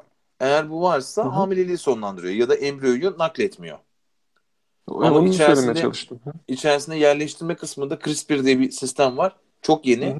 CRISPR DNA ile o da gelecek. Ve dediğin gibi işte mavi gözlü olsun, 1.70'ten kısa olmasın falan deyip bunların hepsini atabileceksin. Etik olarak bunların hiçbiri bakarsan- aslında yapılmıyor yani. Yani şöyle bir durum var. Teknik olarak yapılabilir. Ne gibi sonuçlar doğuracağını tabii ki hani üç aşağı beş yukarı tam bilemiyoruz. Ee, ve bu aslına bakarsan birebir doğaya müdahale bir kere. Hani hep konuşuyoruz işte evrim teorisine göre şunlar oluyor işte daha güçlüler hayatta kalıyor falan. Zaten modern tıbbın Ama işte- gelişimi birebir doğrudan. Yani senin senin benim senin benim çoğalmam doğaya müdahale ya. Hiç şey yapmamak lazım. hani O- bilim dediğim şey zaten hani şey gibi bakalım. Yani e, sonuçta biz şöyle başlamadık mı? Bilim dediğin şey zaten doğaya müdahale etmek için ona karşı var olmuş bir şey. Zaten doğal olsaydı her şey o Yani bugün şey yok doğaya müdahale etmek için mi onu anlamak için mi? Orada da bir tartışma olabilir. Müdahale etmeye müdahale etmek için abi. Yoksa yoksa bugün elimizde baltalar anca işte aç ya, avcı toplayıcı dolaşıyorduk yani. Yani şöyle anlarsın doğayı. E, ona göre tedbirlerini alırsın ama doğayı Anlarsın ama yanlış anlarsın. Bence bu bizim kendi kibirimiz. Kusura bakma ama yani bu böyle olmak durumunda değil. Yani bilimin amacı doğayı tamamen dönüştürmek olmamalı bence. Anlamak olmalı. Bu benim belki kendi şey düşüncem ama. O bence işte mesela felsefenin amacı. Bilimin amacı- işte doğayı anlamak ve doğayı yönetmek. İşte set çekmek, seli engellemek, Hı hı. ee, daha yüksek katlı binalar yapmak ne olursa olsun anladın mı? Hani anlamayı pratik bir hale çevirmek bilim. Hı. E, teknoloji bunun üzerine inşa ediyor. Gene o pratiğin üzerine. Özünde, Ama mesela felsefe o tarafta biraz daha dediğin kısımda kalıyor bence. yani özüne baktığın zaman hepsi bir yerde hani en uzak amaca bakarsan hayatta kalmak dürtüsüyle olabilir tabii ki yani baktığın zaman. Çünkü bugün e, Elon Musk'ın da söylediği her yerde söylediği bir şey var. Hani Bugün bu dünyaya bir şey ikinci. olsa Jet Ee, Fadıl ya. Jet Fadıl. Elon Musk'ı geç. Mesela şey falan İrfan da yazmış Mars'la ilgili falan ama ben E- Elon Musk vallahi yani ben o tarafta şeyim. tırıvırım E- e- elimde abi, tam marketing ya. Ben işim gereği adama başka türlü hayranım ama hani şey mesela çok anlamsız geliyor. Ge- geçen programda da ben bunu kendi çevremde çok söylüyorum. Şimdi şey e, Mars'a niye yerleşeceğiz abi? Ya Çünkü bu dünyada hayat söyleyecektim. Ha, yani Ne bu diyor? dünyada hayat biterse en azından e, bir bir ışık, bir yöntem, bir Abi yol, hani- bir kaçış. Gerçekten bak bu dünyada hayat biterseden kastın ne? Burada ağaç olmazsa mı? Su olmazsa mı? Yani çünkü Mars'ta bunların hiçbiri yok. Hani bunu sana Mars sunmayacak. Eğer sen gidip orada fanusun içerisinde bir hayat, bir gemilerden bilmem Bu da hayat mı kardeşim ya? Şunu demeye çalışıyorum yani eğer sen zaten tamam şey atmosfere çıkmadığın, sadece oraya kurduğun binaların içerisinde yaşayacağın, e, orada da olmayan oksijeni bir şekilde sentezleyip yaşamı sürdüreceğin bir yer kuracaksan Mars'a gitmene gerek yok. Bunu dünyada da yapabilirsin. Suyun altında da yapabilirsin. Antarktika'da da yapabilirsin. Ama şöyle düşün abi şimdi e, şimdi bugünkü teknolojide bunu yapamazsın ama düşün dünyaya çok büyük bir göktaşının yaklaşmakta olduğunu. E, Mars'a hani- gelmeyeceğini nereden biliyorsun?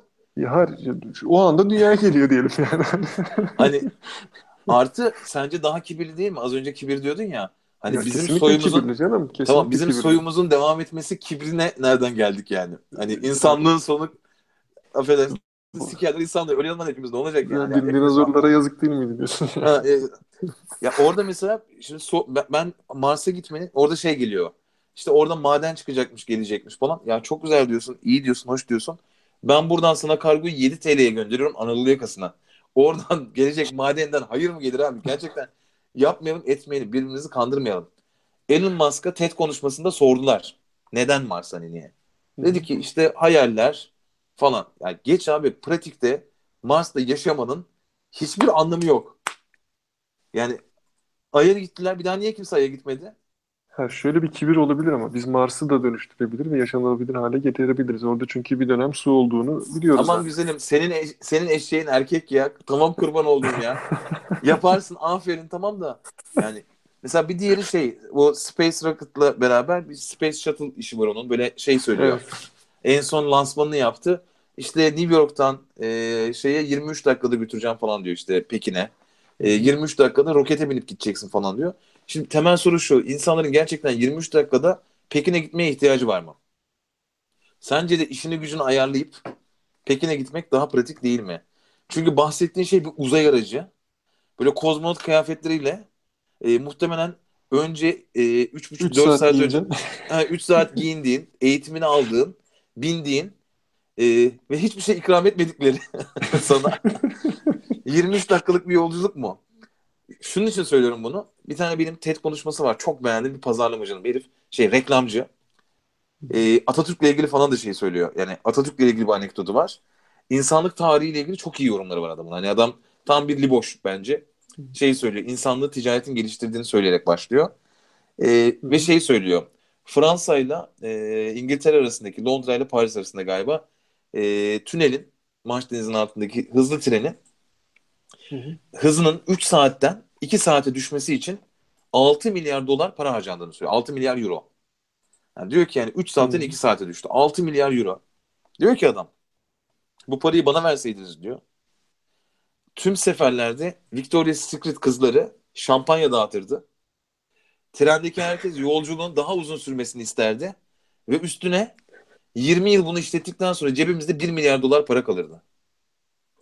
Çok güzel bir yaklaşım değil mi? Gerçekten elini vicdanına koy söyle. mü- müşteri değer müşteri değer yönetimi işte bu. Ama bak adam çok temel bir şey söylüyor. Gerçekten 3 saatten 2 saate düşürmek için 6 milyar dolar harcamamıza gerek var mıydı? Şey bak bir teknoloji bu. Hani e, hızlı tren daha hızlı olması. Ama git mesela hani onu öyle yapana kadar da başka bir tüneli daha hızlı yap anladın mı? O parayı da al abi daha pratik. İnsanların o yüzden mesela bu, bu örnekle mesela şey saçma geliyor.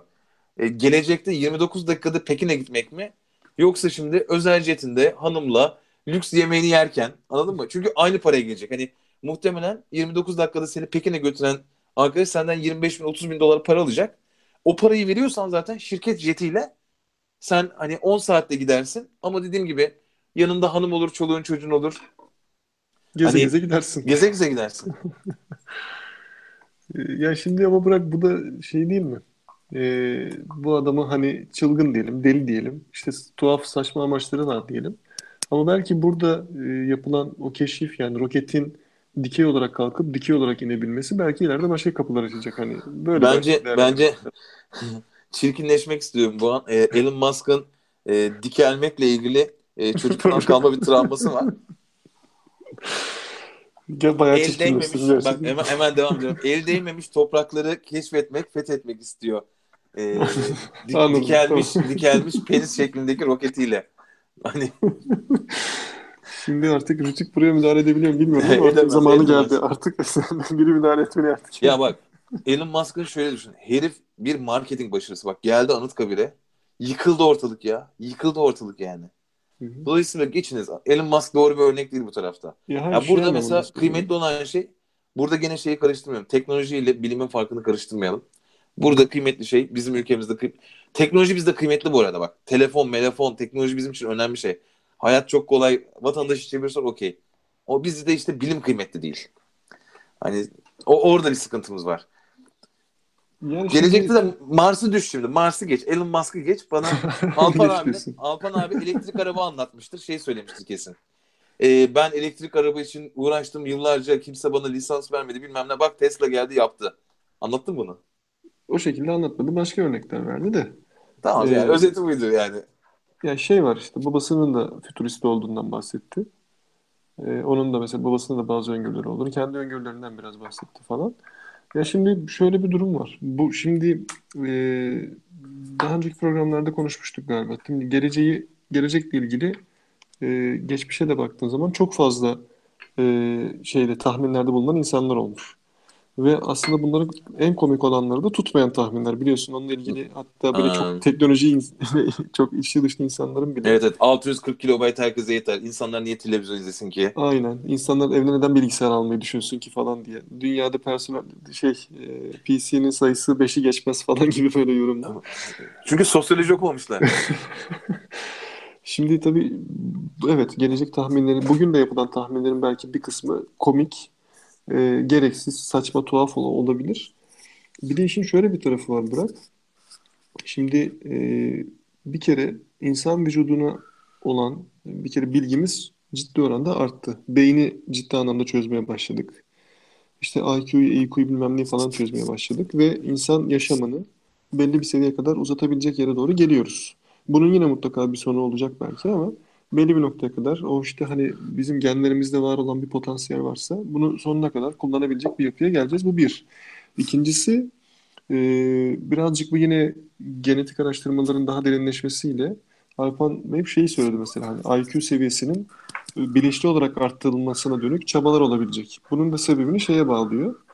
Ee, hani yapay zekayı geliştirmek ve onunla başa çıkabilmek için zaten bu birazcık zorunlu gibi. Öyle bir dünya hayal ediyor. Ya Şimdi gerçekten bak... Alpan Manas boş bulmuş sallamış ya gerçekten.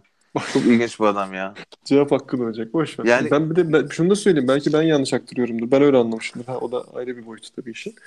Şimdi şu, şöyle bir gerçek var ama mesela e, şu anda o makineler yapılmaya başladı. Şu anda felçli bir insan e, tekerlekli sandalye muhtaç olmadan bir makineye bağlanıp işte parmak uçlarıyla yönlendirdiği ya da belki ileride beyni beynin frekanslarıyla yönlendirebileceği ve ayağa kalkabileceği, yürüyebileceği böyle bir biyonik e, sistemler ufak ufak bunların ileride belki insan vücuduna entegre olma ihtimali de var. Ve bunların sadece düşünce gücüyle yönetilmesine dönük bir pek çok bilimsel araştırma da var. Dolayısıyla hani e, daha bugün de aslında insanlığın önünde problem olarak görünen bazı şeylerin çözülebileceğini görüyoruz. Ve bunun diğer tarafı da aslında şey tarafı. E, yazılım tarafı ve kendi kendine karar verebilen makineler tarafı. Aslında e, bu işin çok ilginç bir yere gelmesini sağlayabilir gerçekten. Çünkü yapay zekanın bugün itibariyle gelebildiği nokta var. Ama hani bundan 20 sene sonra, 30 sene sonra gerçekten e, bizim şu anda hayal edemediğimiz bazı problemleri e, bizim insan olarak çözmemize gerek kalmayabilir. Bunu ya bir, orada bir şöyle bir sıkıntı var. Öyle Hı-hı. şöyle bir sıkıntı var. Yapay zekanın tanımı ve anlatımı ile ilgili temel bir sıkıntılar var. Şunun için mesela bazı problemler bence yapay zeka bunları problem kabul etmeyebilir. Hani bizim çözemediğimiz problemler değil. Yapay zeka bunlara çok takılacak bir şey değil. Öyle kafamızda biz biraz böyle yapay zekayı sanki bir kişilik, bir kimlik varmış gibi canlandırıyoruz. Hani zeka olunca böyle karşılığı öyle aslında öyle bir şey değil.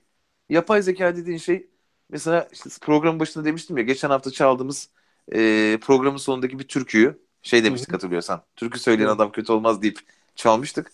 O türkünün içerisindeki melodiyi gitmiş Hı-hı. telif eseriyle eşleştirmiş. This is hani o veri tabanındaki milyarlarca şarkının arasından bunu bulup eşleştirip o paterni akıllıca öğrenen e, birebir değişikliklerine bakıp bulan şey o işte yapay zeka. Yani bizim çok alıştığımız gibi değil. Yani bizi işsiz bırakacak bilmem ne yapacak gibi bir şey tarafı çok fazla olan bir konu değil. Ee, başka dertlerle uğraşıyor yapay zeka. İşte insansız araçla uğraşıyor. Hani onu hani insanın kullanılmadan bunu yapabileceği şeyleri bulmaya çalışıyor. Hı hı. Yani orada kritik konu bence iki yerde ayrılacak. Bu işte nereye evrileceğini yani üç konu var. Ya biz yapay zekanın fişini çekeceğiz bu iş bitecek. Ya yapay zeka bizi öldürecek ya da birlikte yaşamayı öğreneceğiz. Hı hı. Buranın teknolojik yaşam kısmında şeye katılıyorum. Hani bugün felçliler için konuştuğum konu bence ileride insanların kasten kendi uzuvlarının yerine biyonik kullan kullanmasına sebep olacak. Hı hı. Şeyi düşün çünkü fabrikadasın kolunu çıkartıp kaynak kolunun takıp kaynakçı olarak çalışabiliyorsun. Onu çıkartıp dikiş makinesi takıp terzi olarak çalışabiliyorsun. Dolayısıyla hani biyonik kolların şu an pratikte yavaş yavaş vermeye başladığı bir güç var. Dolayısıyla böyle insan vücudunun biyonikleşmesi, ikisinin mix hale gelmesi, işte bunun düşünceyle ya da yapay zekayla kontrolü gibi şeyler aslında burada sanki ortak bir canlı oluşacak. Yani Homo Deus dediği şeyin Harari'nin yeni bir insan ırkı, tanrı, yaratan, ölmeyen, gerekli parçasını değiştirip atıyorum trafik kazası geçirdin felç mi? Okeydir abi ayakları değiştirelim. Böbrek mi abi? Printer'dan 3 boyutlu böbrek bastık sana. Affedersin. Sen biraz su iç. evet evet. Kendi böbreğin gibi dokundan böbrek yaptık onu koyalım gibi hani sanki bir böyle ikisinin arada olduğu bir formüle doğru gidecekmiş gibi geliyor gelecek bana. Bir de şöyle de bir yapı var mı Burak? Şimdi bir tekillik diye bir kavramdan bahsediliyor.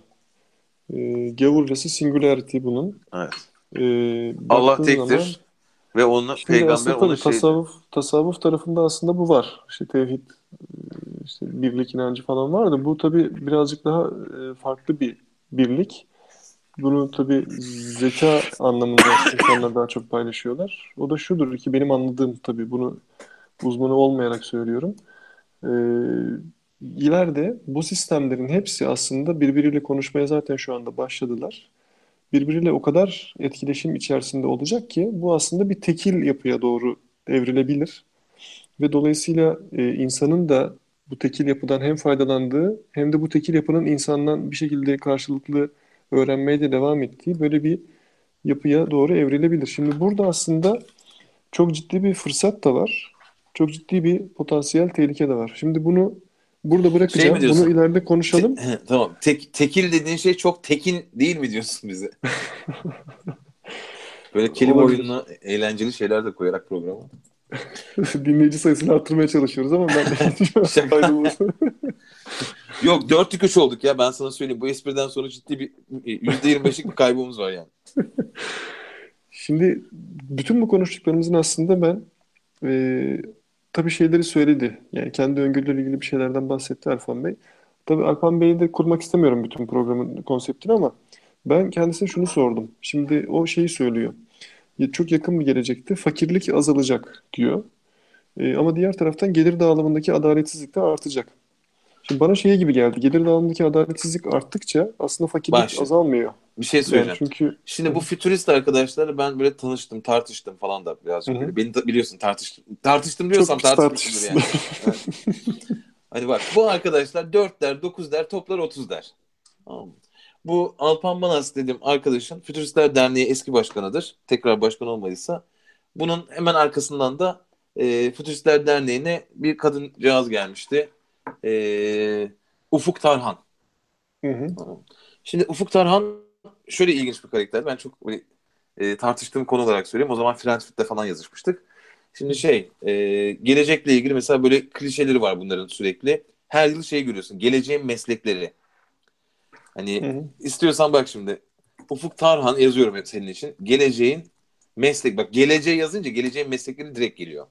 Hı hı. Şimdi kendi blogundan sana gelecek mesleklerini okuyayım. Her yıl bunu yazıyorlar şimdi. Ee, hazır mısın? Hazırım. Hafıza onarım ve arttırma uzmanı. Nanomedikalci. Siber polis. Bak hadi.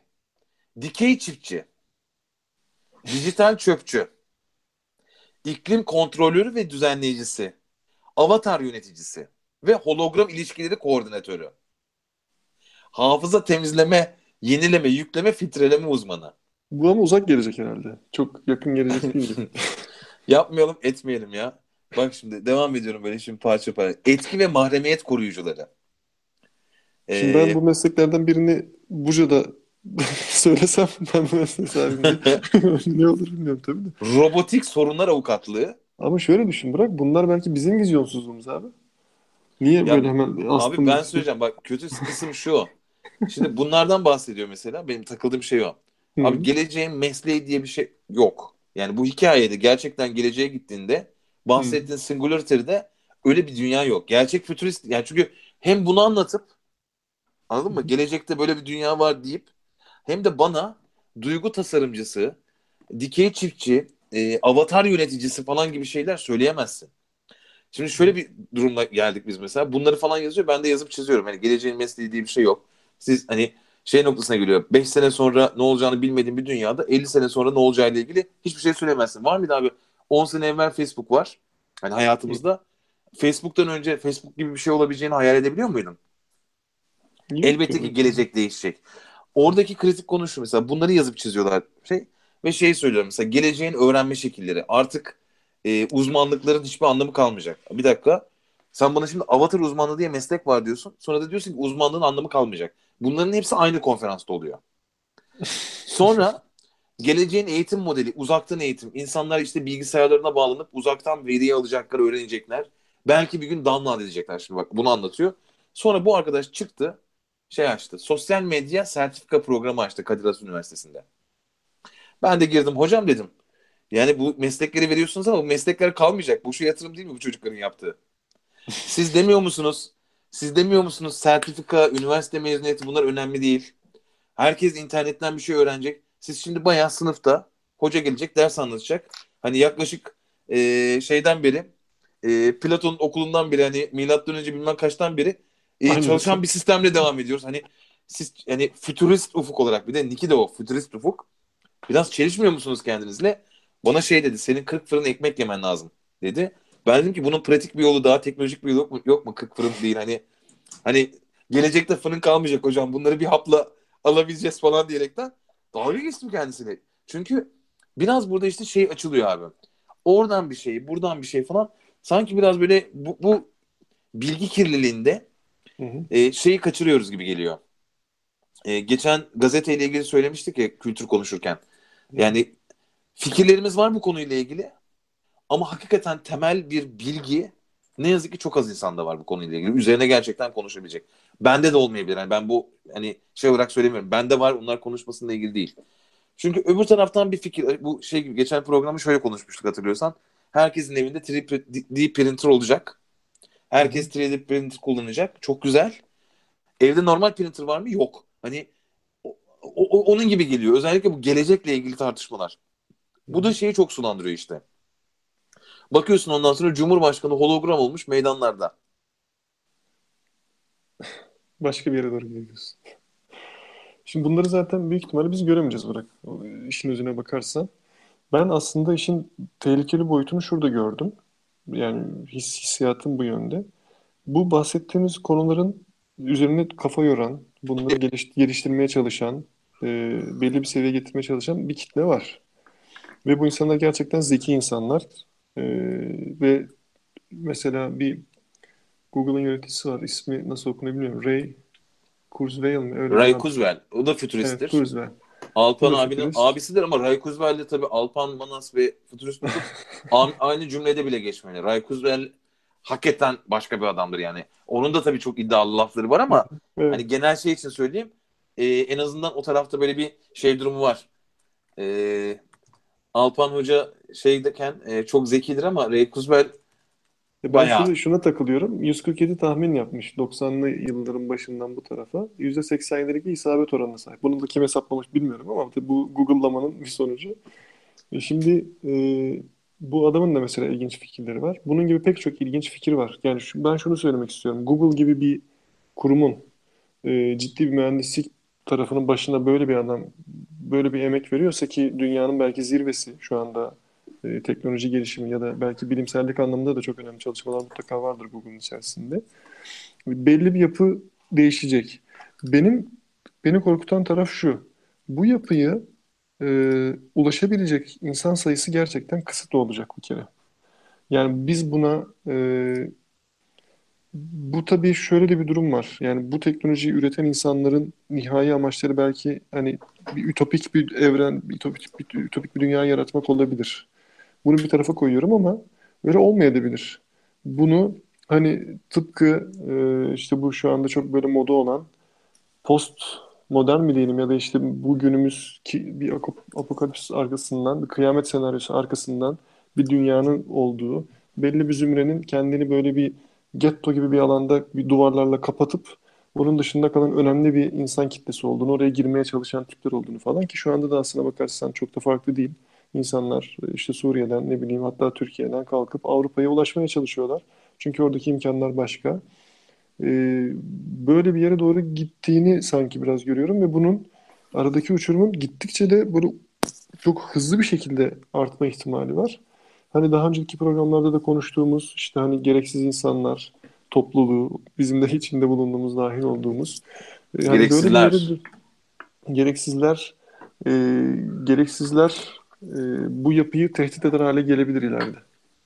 Şimdi şey söyleyeceğim sana. Aramızdaki fark olarak söyleyeceğim. Ray Kurzweil'i Google'ladım. Kurzweil. Şimdi Ray Kurzweil'in karşısında girdiğin zaman Türkçe bir Wikipedia çıkıyor. Tamam. Tamam. Ben burada onu Google'lamamıştım. Evet. Tamam ben şey yapayım. Hani Google'ladım. Şimdi acı durum şu abi. Bir, Wikipedia kapalı bu ülkede. Hani umutlu olacağım diyorum ama umudumu kırmak için elinden geleni yapıyor lanet şey. Ve kapalı yani hani tamam mı? Sonra şimdi Raymond Kurzweil'in önce sana Türkçe açıklamasını okuyorum bak. Tek bir satır benim ekranımda. ikinci satıra bile geçmemiş. Hmm. Raymond Ray Kurzweil Amerikalı yazar, bilim insanı, mucit futurist, optik karakter tanımı, metinden konuşma sentezi, konuşma tanımı teknolojisi ve elektronik klavye enstrümanları ilgileniyor. Kendisinin yapay zeka bilmem ne üzerine kitapları var. Tek bir satır. Şimdi İngilizcesine tıklıyorum. İngilizcesi sayfa sayfa. Adamın kariyeriyle ilgili. Adamın referans sayfasının yani adamla ilgili refere edilen 105 madde var. Hani yukarıdaki bilgiler için. Hı hı. Ve hani buradaki yazılan şey adamın hayatı nasıl başladı? Şimdi Alpan Banas'la hani fütürist Alpan Banas ya. Şimdi bu adam da fütürist. E, %87'lik başarı oranının gerekçelerini ben sana şöyle sayayım. 1999'da National Medal of Technology and Innovation almış. United States'in e, Amerika'nın highest honor in teknolojisiymiş bu. Clinton elden vermiş kendisine. Lemonson Mid Prize'ı almış 2001'de 500 bin dolarlık fon olarak almış. Bu dünyanın en büyük e, inovasyon ödüllerinden birisiymiş. 2002'de e, National Inventors Hall of Fame'de e, Patent Ofisi Amerika tarafından örnek gösterilmiş. Diye böyle devam eden bir şey var adamın. Tamam mı? Hani adamın mevcutta OCR dediğimiz bizim bu e, kağıt üzerindeki metinden e, tekste çevirme, teksti sese çevirme, ses algılama ile ilgili kendi icatları var. Hani bunların hepsini kendi geliştirmiş herifin. Dolayısıyla hani birazcık böyle aralarında fark var. Bizdeki fütüristlerle buradaki fütüristlerin başarı tarafında. Ama ikinci kısım o kültür ortamı diyoruz ya. Ya ben mesela şey koyuyor bana abi. Bu adamın İngilizce Wikipedia'da sayfa sayfa yazılırken Türkçe Wikipedia'da bununla ilgili tek satır bilgi olması işte o kap o kabı değiştirmek konusunda ne yapmamız gerektiğiyle ilgili daha hakikaten konuşmak lazım, tartışmak lazım. Ya ben umutsuzluğa kapılmak istemiyorum ama mesela işte bak beni kızdım. Yani gördükçe kızıyorum böyle şey olarak. Yani umutsuzluğa kapılmaya gerek yok ama biz hep en baştaki şeye tekrar dönelim. Şu anda geleceğimizi inşa ediyoruz. Ve bizim bugün itibariyle inşa etmeye çalıştığımız gelecek çok iyi bir gelecek gibi durmuyor buradan baktığın zaman. Çünkü e, yani hani ben şu anda benim kendi aldığım eğitimi çok kaliteli değil benim aldığım eğitim büyük ihtimalle. Ama benim çocuğum benim kadar kaliteli bir eğitim alabilecek mi emin değilim. Ki bunun böyle olmaması gerekiyor. Daha öteye taşımamız gerekiyordu bunu. Peki şöyle bir şey var. Eğer hepimiz gereksizlere doğru evrileceksek çocuğun iyi eğitim alması önemli mi? Yani gereksizlere evrilmemesi için iyi eğitim alması önemli. Yani hani belki yani gereksizler diyoruz ama sonuçta bu gereksizler büyük bir problem. Öyle olacak. Ve bu işte belki universal e, işte o neydi evrensel maaşla benzeri dakika, şeyler. Çok özür dilerim mola veriyorum. Burada problem olan gereksizler mi yoksa bu yapı mı? Bunu da tartışmak gerekir belki. Şöyle sonuçta şey yapının yöneticisi olacaklar gereksizler değil. Büyük bu bildiğin, bu bildiğin hani Atina'daki gibi işte kölelerin çalıştığı dünyadan e, aslında geri kalanın çalıştığı e, ama biz köle olarak hani ya da o sistemin içerisindeki gereksizlerin kalabalık olduğu ve bir şey yapmadığı. Hı hı. İşte bu universal income'da herkese eşit maaş, devletin ödediği bir maaş sistemiyle belki e, toparlanabilecek. E, abi sabah işe gitme derdi yok. Sabah açıyorsun, televizyonu izliyorsun, yiyorsun, içiyorsun. Belki hayat böyle daha güzel olur yani. Gereksiz olmak o kadar kötü bir şey olmayabilir yani. Belki o zaman daha iyi bilim yapılır, daha iyi felsefe yapılır yani böyle baktığınız zaman. Yani şöyle bir tez de var çünkü. Şimdi buradaki teknolojinin ne olursa olsun geçmişten bugüne gelişimine baktığın zaman tarım tarafındaki benzeri şeylerle beraber e, işte bu e, bilginin transferi olsun, herhangi bir ürünün atıyorum bozulmadan şey aktarılması olsun. Hani bugün gerçekten çok ilerlemiş. E, Bugün obeziteden ölen insan sayısı e, yoksulluktan ölen sayısından ya da açlıktan ölenlerden daha fazla. Şu an açlık olan dünyanın üzerinde yoksulluk olan yerlere baktığında da aslında burada ciddi bir yönetim problemi olduğu için. Atıyorum o ülkede diktatör bir adam olduğu için anladın mı? İç savaş olduğu için falan gibi biraz böyle yönetimsel problemler kaynaklı siyasi bir tartışma olduğu için oraya girmeyeceğim. Ama şöyle bir durum var. Her geçen gün üretim maliyetleri düşmeye devam ediyor. Robotlar dahil oldukça daha da düşecek. Düştükçe aslında daha kolay erişilebilir hale gelecek. Düşünsene şu an Çin olmasa e, şu an hani tutkuyla aldığımız 6 bin lira aman çok pahalıymış dediğimiz iPhone muhtemelen 60 bin lira olacak. Bugün Çin olmasa hani şu an 2 bin liraya aldığım bir fotoğraf makinesi 10 bin lira olacak. Teknoloji olmak zorunda değil. Hani Çin'in sadece üretim hacmi bizim tarağımızdan tut da tokamıza hayatımızdaki her şeyi çok ucuzlatıyor. Çok ucuzlatması gelir durumu düşük olan bir kitlenin de tüketime katılmasına imkan tanıyor. Bugün şey gibi düşün hani iPhone olmasa bile ya da işte Samsung S7, S8 olmasa bile akıllı telefon sahibi olmak için cebinde 600 lira para varsa e, bir Android telefon alabiliyorsun. Hani temel anlamıyla o dünyanın parçası olmaya. Burada bir tezde işte şey gibi geliyor. Teknolojinin gelişmeye devam edeceği, yapay zeka ile beraber belki işte singularity'ye ulaştığında aslında insanların belki çalışmaya ihtiyaç duymayacağı, zamanlarını hani beslenme problemi olmadan, şey problemi olmadan sürdürebileceği bir ütopya daha var bu tarafta. Zeitgeist Movie var diye seyretmişsindir mutlaka. İzledim. Ee, yani sanki oradaki dünya e, çok büyük bir hayal değil. Aslında belki bugünkü imkanlarla dahi e, böyle bir yapıya ulaşabilir ama şu andaki bizim motivasyonumuz öyle bir dünya üzerine değil pek çok insanın motivasyonu. Yani şu anda biz e, başka bir dünyadayız. E, o, o öyle bir dünya mümkün belki ama e, insani hırslar, kibir ya da işte bu e, Alışın, olma alışmış duygusu. olmak ya. Üstün olma- evet, üstün olma duygusu Bak- da var çünkü. O kibiri vazgeçmek Şey, beraber mi konuştuk? Senle Uber konuştuk ya geçen akşam yemekte. Onun Hı. öncesinde biz programda Uber konuşmuş muyduk? Hatırlıyor musun hiç? Yani Bak şu- o kadar şu- yerde şöyle- konuşuyoruz ki programda konuştuk Yok. Hani şö- şöyle bir muhabbet vardı. Belki konuşmuşuzdur. Tekrar olacak ama yani şu an Uber dediğin şey işte taksiciler nefret ediyor. Eylem yaptılar Uber'e karşı bilmem ne falan. Şimdi temel sıkıntı şu abi. Bu adam taksici. Bu adam e, her gün çalışıyor. E, 12 saat e, para alıyor. Arabanın benzinini ödüyor. Kendi boğazını ödüyor. Gidip taksinin kirasını ödüyor. Hiç aksatmadan. Para kazanmasa bile cebinden koyup 250-300 lira mal sahibine para ödüyor. Kalan parayla da geçinmeye çalışıyor. Hı hı. Aslında sistem mal sahibinin gayet böyle liberal olarak söylüyorum e, işçiyi sömürmesi üzerine kurulmuş. Tamamen rant üzerine kurulu bir sistem. Şimdi protesto ettiği araç Uber. Uber'de taksi plakası var mı? Yok. Hı hı. Gidip şu an burada mesela taksi plakasını alıyorsun, kiralıyorsun. Gidip bir tane de bu kale male falan böyle birkaç yer var. Oradan bir de taksi alıyorsun kendine. Sıfır. Kredi borcu yapıyorsun. Bir yandan da taksi parası ödüyorsun. Hı hı. Şimdi geliyorum Uber'e. Uber'de gidiyorsun abi bir tane bito alıyorsun. Kredisiyle, borçla, harçla, eşten dosttan. Kredisini ödüyorsun. Araç sana kalıyor. Kimseye başka para ödemiyorsun. Uber içerisinden %10 komisyonunu alıyor. Götürdüğün bütün müşteriden de geçiniyorsun abi. Aradaki taksi patronuna kölelik etme işini ortadan kaldırıyor. Hı hı. Ve aslında senin üzerinden çok büyük bir yük oluyor. Çünkü sen taksi kirası kadar para kazanmıyorsun. Yani şöyle bir dünya yok. 250-300 lira diyorum. Ayda 10 bin lira bir taksiden gelir elde ediyor taksi sahibi. Bir taksici ayda 10 bin lira para kazanmıyor. Sabahtan akşama kadar o taksinin üzerinde çalışarak. Hı hı. Uber'de kazanabiliyorsun ama. Niye?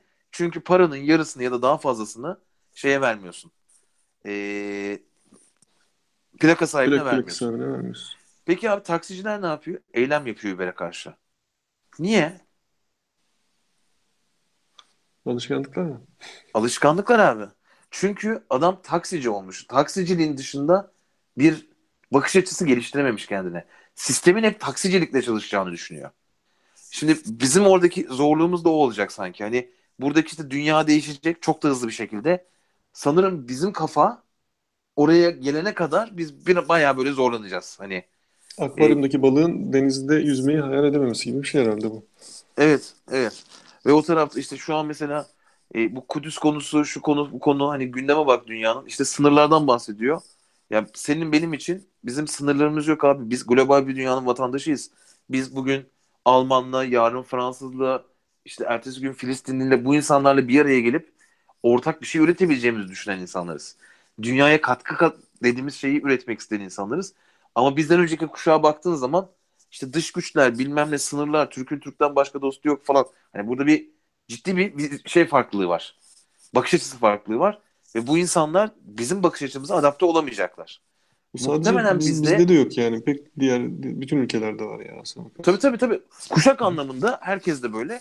Ama bir kuşak daha değişecek. Şimdi işte atıyorum e, sen şimdi insansız araç diyoruz ya sürücüsüz araç. Hı hı. Yani şimdi sürücüsüz araç benim önüme gelip arabaya bindiğimde sen de ben de gerileyeceğiz. Yani böyle nasıl olacak acaba Allah'ım lan vurur bu kesin ya falan. Hani Bizim ülkeye de gitmez bu falan diye böyle 800 milyon tane geyiyle beraber biz gerileceğiz buna. Ama muhtemelen Aras binecek aa diyecek ne güzelmiş. Sonra falan şey diyeceğiz böyle. Biliyor musun E, böyle bir yaşlanınca böyle torunlara şey diye anlatacağız. Bu arabaları kullanıyorduk biz falan diye böyle anlatacağız yani. Vites kolunu nasıl anlatacağız onu bilmiyorum. İşte şimdi o değişime nasıl adapte oluruz bilmiyorum. Ama değişecek abi. Hani o tarafta hiç şüphem yok değişeceğinden. Hani iyi mi olur kötü mü olur? İşte bu biraz, biraz da şey ya, ahlaki bir soru iyi ve kötü. Hani nereye gider kısmını bilmiyorum. Ama mutlak değişecek ya. Peki o zaman biz de komik olmak pahasına hayal kuralım abi. 2100'ü konuşalım. Bir de 2300'ü falan konuşalım. 2100'e mektup. Nasıl? Hani böyle şeydir. Geleceğe mektup. Şimdi sonuçta sen e, bu tekilliğe bir katkı yapıyorsun baktığın zaman. Bak orada bir şey yerlerde- söyleyeceğim. Ha, Bak çok güzel bir yerden yakaladın. Bu şey durumu var ya yapay zekanın bizi öldürecek olması falan filan. Hı hı. İşte bence bunun çözümü çok belli. Çözüm ne biliyor musun? Bu konuyu konuşmaktan vazgeçmek ve bunu tüm kayıtlarını silmek. Çünkü yapay zeka geriye dönüp yani şey gibi bir şey değil bu. Yapay zeka hinlik düşünecek ya bir puşluk yapıyor bu insanlara demeyecek. Yapay zeka bizim bu konuşmalarımızı dinleyecek. Yazışmalara bakacak. Tamam? Elon Musk denen e, arkadaşın yapay zeka hepimizi öldürecek denen TED konuşmasına bakıp şöyle bir şey yapacak. Allah Allah. İnsanlar böyle şeyler yapılabileceğini düşünmüş. Aa yapsak ne olur deyip yapacak. Hani şu an itibariyle bu konuya son verirsek bence insanlığın kurtulma şansı var yani. Hani biz ne kadar konuşursak o kadar boka batıyoruz bu konuda. Sen Ben- 2100'ü sen anlat şimdi hadi bakalım. Önce sen bana attın topu ama. Ya önce ben sordum canım sen de. Senden biraz Bence temelde şimdi şey kısmını atıyorum yani yapı yani 2100'e gelmemiz insanlık olarak temelde yapay zekanın bizi öldürmediği varsayımına dayanmakta. Ee, Bir de bir tabii olasılık olarak var ama ben ben ben Doğada da yaşayabileceğimiz varsayıma dayanıyor. Belki de doğa bizi götürecek bu arada. Biz doğayı önce götürdüğümüz için. Şimdi 2100'ü görmeyiz bence sen ben. Modern tıp ilerlese de görmeyiz. Ben görmek de istemem yani hani. Ee, ama şöyle bir durum olacak. Yani benim beklentim hani Ray Kurzweil de aynen böyle söyler. Eğer bir 15-20 yıl daha kasabilirsem ölmeyeceğim. Hani e, o tarafta tıp çok ilerli, ilerliyor. Hani çok hızlı da ilerliyor. İşte gen mutasyonları, işte yaşlılığa sebep olan telomer e, boyların Hmm. uzatılması, telomer tedavileri falan filan. Orada işte organ nakli falan derken hakikaten en azından bir grup insanın e, te- teoride en azından ölümsüzlüğe doğru gidebileceğini düşünüyorum. Dolayısıyla 2100'e geldiğimizde ortalama insan yaşamı gitgide artıyor olacak. Hı hı. Ee, bu tarafta hani şey bana çok gerçekçi gelmiyor işte bu Mars senaryoları. Orada dünyanın tükenip gideceğimiz falan. Çünkü pratikte burayı tüketiyorsak orada zaten tüketecek bir şey yok. Hani bana çok gerçekçi gelmiyor. Gene bu topraklardayız. Şekil şemal değişir. Ama şey çok inandırıcı gelmiyor. Birol abi de sağ olsun 2100'de Mars'ta olacağız demiş. Ben katılmıyorum Birol abiye. Ee, diğer taraftan da hani iş güç kısmında da işte o biyonik hayat mesela çalışma saatlerinin gidecek azalacağını düşünüyorum. E, bu tarafta gelir dağılımının bir çözülme problemi yani bunu, bunu çözmemiz gerekiyor. Hani bir şekilde burada en azından şu olabilir. Über zengin insanlar olsa bile tepede e, geriye kalan insanlar arasındaki gelir probleminin daha böyle bir merkezileştiği, en azından o kısımda biraz adaletli olduğu bir kısım olabilir gibi geliyor. E, o da işte robotlaşma, makineleşme ile beraber üretimin artması, artan üretimin refahı, tüketimi arttırması gibi sebeplerle bence. E, sıkıcı olmaz herhalde. Çünkü o zamana sentetik uyuşturucular, şunlar bunlar, kafalar güzel, eğlendirecek yeni teknolojiler. İşte ne bileyim belki makineye bağlanıp direkt beyin hücrelerimizde hissettiğimiz deneyimler falan. Tavır burada bambaşka keselim. bir dünyada. Keselim. Tabii, bambaşka bir şey olabilir. Üre, üremenin sonlanabileceğini düşünüyorum ben bu tarafta. Ee, Tabii özellikle şeyle beraber. Eşeğli üremenin. Eşeğli üremenin insan için sonlanabileceğini düşünüyorum. Şundan ötürü o da. Ee, çünkü e, şey beraberinde geliyor. Bu işte kadının çocuğu taşıması, doğurması, bakımı bunlar hep biraz böyle e, bize toplum olarak aile başta olmak üzere bir arada tutan şeyler. Buna bence teknolojik olarak ihtiyaç kalmayabilir. İnsanlar kendi genleriyle, kendi DNA'larıyla e, klonlamanın benzeri şekilde aslında e, bir Burak'la daha hayat devam edebilir bu tarafta. Hani doğru yanlış etik olarak söylemiyorum bunu. E, cinselliğin biteceğini, evrimin duracağını düşünüyorum. Mesela evrim devam etmiyor zaten bence.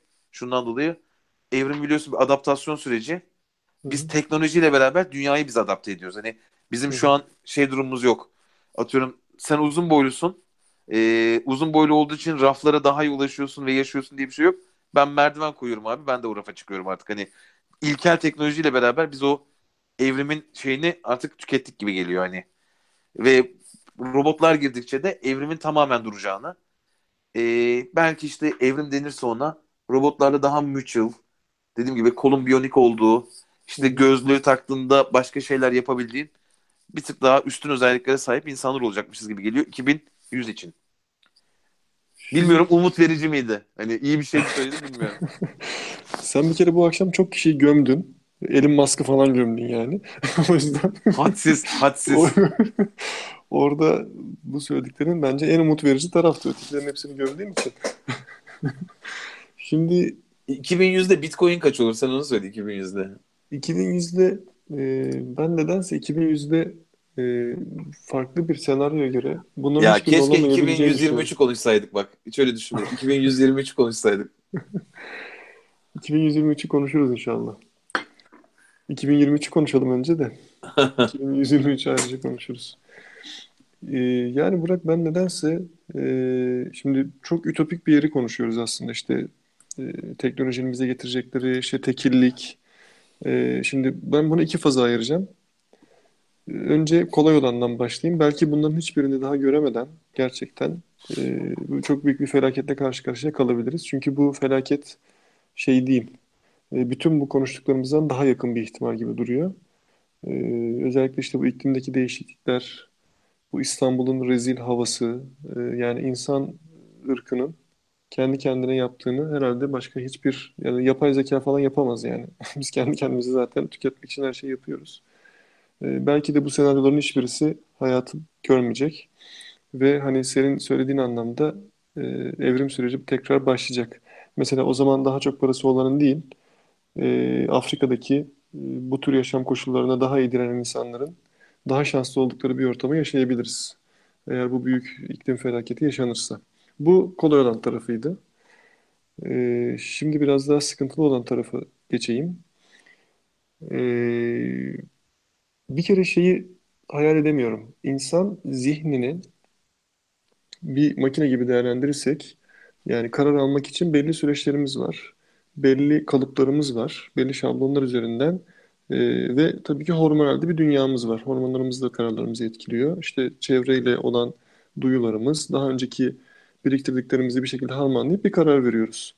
Şimdi baktığın zaman e, yapay zeka dediğimiz şey de aslında bugün itibariyle bu kadar gelişmiş değil elbette ama bir karar vermek üzerine kurulu. Elinde belli doneler var, belli yollar var, haritalar var. Bu haritalamalara göre bir karar veriyor. Şimdi doğal olarak şuraya bağlamaya çalışıyorum konuyu.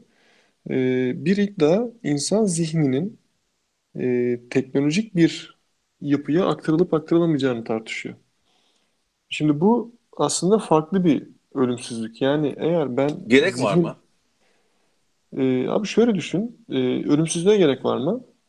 Bence yok zaten ölelim. Ben, Ha, hani, yani tabii sence yok da şimdi insanlar bunun için kasıyorlar. İşte telomerimi uzatsam, işte bilmem ne mi yapsam, biyonik kol mu taksam, işte kendi organımı 3D printer'da kendim mi bassam. Şimdi eğer sen kendi beynini, düşünce sistemini farklı bir ortama gerçekten aktarabiliyorsan bir yazılım boyutuyla o zaman bu konuştuklarımız hepsi çöp. E Sen bu ıı, düşünce sistemini bir makineye aktarabilirsen senin bilincin orada var olmaya devam eder mi? Aslında çok şey bir işte tartışma. ama bak oradan tartışması şuradan başlıyor. Ben şurada ayrılıyorum seninle. Ben mesela karar verdiğimizi düşünmüyorum. Ben beynin otomatik olarak çalıştığını, tıpkı yapay zeka gibi algoritma olarak çalıştığını, Hı hı. çıkan çıktıda neye karar verdiğimizi düşünüyorsak onu rasyonize ettiğimizi düşünüyorum. Örneğin bunları otomatik söylediğimi ama bunların kendi seçimim olduğunu, özgür irademle karar verdiğimi, kendime rasyonize ettiğimi düşünüyorum. O zaman aslında beni daha çok destekliyorsun. Dolayısıyla Evet. bu yapıyı bu yapıyı bir makinede yapabilir aslında Evet, bakarsan. evet. O yüzden diyorum ya bunun bir anlamı yok zaten. Hani Hı. bi- birazcık da şöyle bir durum var. Hani bu işte makineye aktarsak falan dedim. Ya işte bizim oradaki kritik konu şu. Yaşam nedir? Yaşam gerçekten bir makinede bilincinin devam etmesi mi? Yoksa yepyeni deneyimlere koşmak mı? Şimdi abi şimdi zaten e, bir, bir tartışma da şu. Hani Matrix filminin hayatımıza Evet. soktuğu hayat aslında bir simülasyon mu?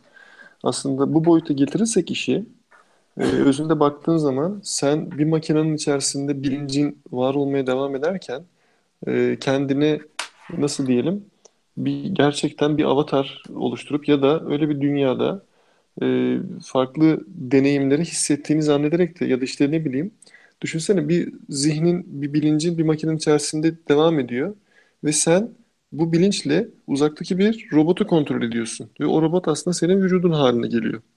Ama sen Evet ama işte pratik yani bu- bunların hepsi aslında bir anda şey getiriyor. E yani niye? Niye böyle olsun ki? E çünkü ölmek istemiyoruz. Kalmak istiyor insanlar. Kalıcı olmak istiyorlar dü- dünyada. Arkamızda bunu iz bırakmak istiyoruz. Ama diyorum ya evet. arkamızda bırakacağımız bu izin içerisinde aslında sen olmadıktan sonra burada çünkü sadece bilinçle ilgili bir konu değil. Yani kimlik, kişilik o personality anlamında da seni sen yapan bir sürü şey var. Bunlar sadece düşüncelerimiz değil. Hani şey gibi de değil bu. Atıyorum kolum olmasa ben ben miyim? Evet benim. Tamam. İşte kalbim olmasa ben ben miyim? Benim. Ama benim beynime, bilincime bir hard disk'e koyduğunda ben ben miyim? Abi değilim aslında hani. E niye? Şu anda da bir vücuda hapsetmişsin beyninin bilincini. Yani ondan o, o boyutta çok bir farkı olacağını zannetmiyorum. Ki şöyle e, yani bu aktarılabilir hale geldikten sonra tekrar bir vücuda aktarılamayacak diye bir şey yok. Ama Yani şöyle bir şey var. Oradaki ama şöyle düşün. Bizim ben- benlik oluşumumuz çok toplumsal bir konu ya.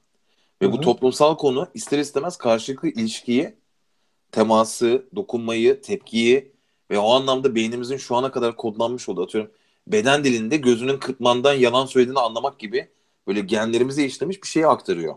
Ve sen beni bir yapay zeka olarak ya da işte bir e, algoritma olarak bir hard diske kopyalayıp anılarımı ve benzer şeyleri koyman hala iki tane hard diski yan yana koyunca birbiriyle iletişim kuracak bir şey yaratmayacaklar.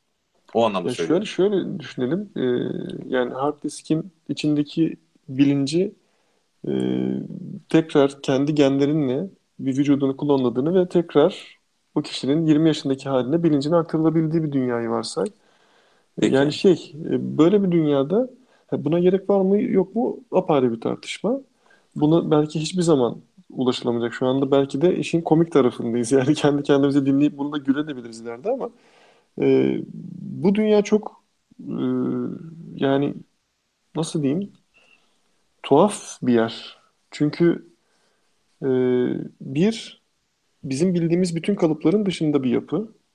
Birincisi bu. İkincisi e, o zaman çoğu şeye gerek de kalmıyor. Ya o zaman nefes almana da gerek kalmıyor mesela hani baktığın zaman. Siber bir ortamda insan bilinci... Şöyle bir şey yapabiliriz istersen bu soruların cevabı için. Hı hı. Ee, ben şimdi bir miktar bitcoin aldım. Evet. Ee, bu bitcoin'in 100 bin dolar olmasına bir miktar zaman var. 100 bin dolar olduğu zaman Cübbeli Ahmet hocama gideriz. Veririz 100 bin doları. Hocam biz bunları konuşuyoruz ama sen bize bir anlat. Bunlar Kur'an'da geçiyordur.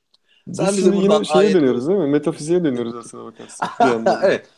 Şimdi buradaki simülasyon hikayesinin ilginç kısmı şu. Elon Musk denen amcaya da bak hakkını Sezar'ın hakkı Sezar'a. Adam zeki yani ben o, o belli şeylerde hakkını yemeyeyim. Ben sadece gerçekleştirici şeylerin gerçekçi olmadığını düşünüyorum bir kısmını. Tesla'da burada zarar eden bir şirket olduğunu belirtmek istiyorum hani. Ee, onun simülasyon hikayesi şuradan geliyor. Biz bir oyunun içerisindeysek şu an bir simülasyonsa birileri bizi mouse'la kontrol ediyorsa bunu ayırt edebilir miyizden başlıyor hikaye. Hı hı. Ve de olarak şunu diyor mesela biz mesela şu an e, Burak 2017 denen programın e, içindeysek ve birileri tepeden bu simülasyona e, e, e, bak falan diyorsa bu simülasyonlarımız senin simülasyonunla benim simülasyonum etkileşim içindeyse pratikte de şöyle diyor eğer 1 milyon tane e, CD basıp 1 milyon kişiye bu uygulamayı download edip bu simülasyonu Burak 2017'yi kullanış, kullanıyorsa 1 milyonda bir ihtimal senin gerçek olma ihtimalin var. Hani şu an ben kendim gerçeğim ama eğer simülasyonsam 1 milyon tane kopya varsa piyasada benim gerçek olma ihtimalim 1 milyonda bir diyor. Sonra dönüyor diyor ki bu mantıkla bakarsan diyor o simülasyonların içerisinde bir simülasyonun olasılığı da var bunun karesi. Dolayısıyla gerçekten olma ihtimalimiz böyle milyarda bir gerçek olma ihtimalimiz var deyip böyle bir matematiksel simülasyon evreni yaratıyor. Hı hı. Ben de bir nihilist olarak dönüyorum dolaşıyorum diyorum ki ne fark eder? Ne önemi var ki? Hani işte, eğer bu simülasyon dediğim şey gerçekse değilse hani ne fark eder? Gerçekse ne fark edecek ki? Ölünce hepsi bitmeyecek mi? Hı hı. Ben orada daha böyle nihilist yaklaşıyorum hani hikayeye. Evet. Bir de tabii şimdi bu biz çok ütopik bir şeylerden bahsediyoruz. Bunları büyük ihtimalle e, gerçekleştirmemizin önünde e, ciddi engeller var. Belki de gerçekleştirebilir. Belki de, de büyük ihtimalle gerçekleşmeyecek bu ortam ama şunlar gerçekleşecek.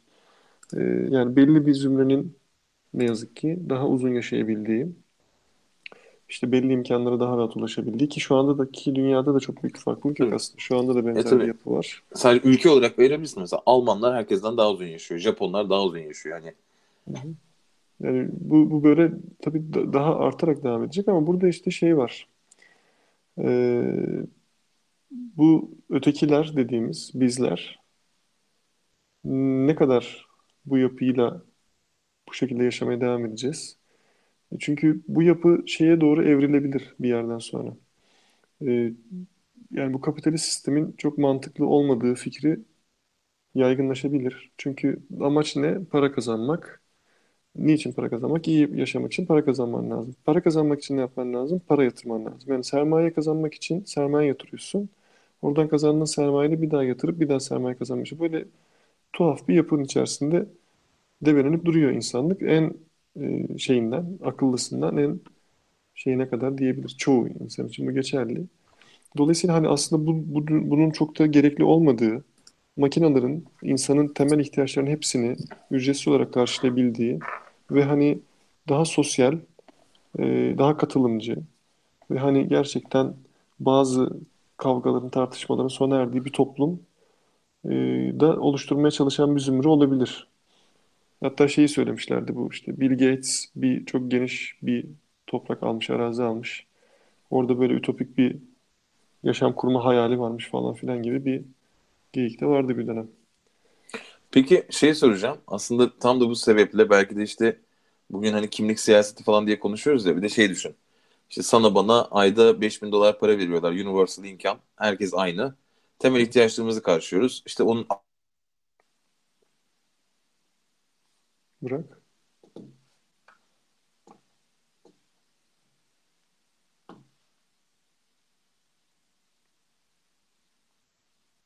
Burak.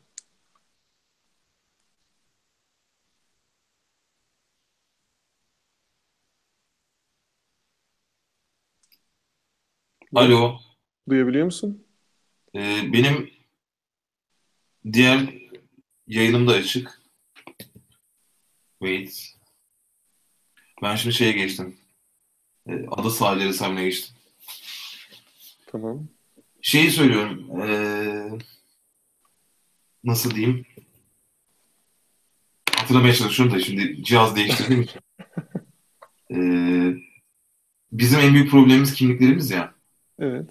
Eğer senin dediğin gibi, benim dediğim gibi atıyorum ayda 5000 dolar aldığımız ve bu parayla e, ihtiyaçlarımızı giderdiğimiz, keyifli bir hayat yaşadığımız, e, çatışmaların olmadığı bir dünyaya gelirsek benliğimiz ve diğerlerinden farklı olma isteğimiz nasıl etkilenecek sence?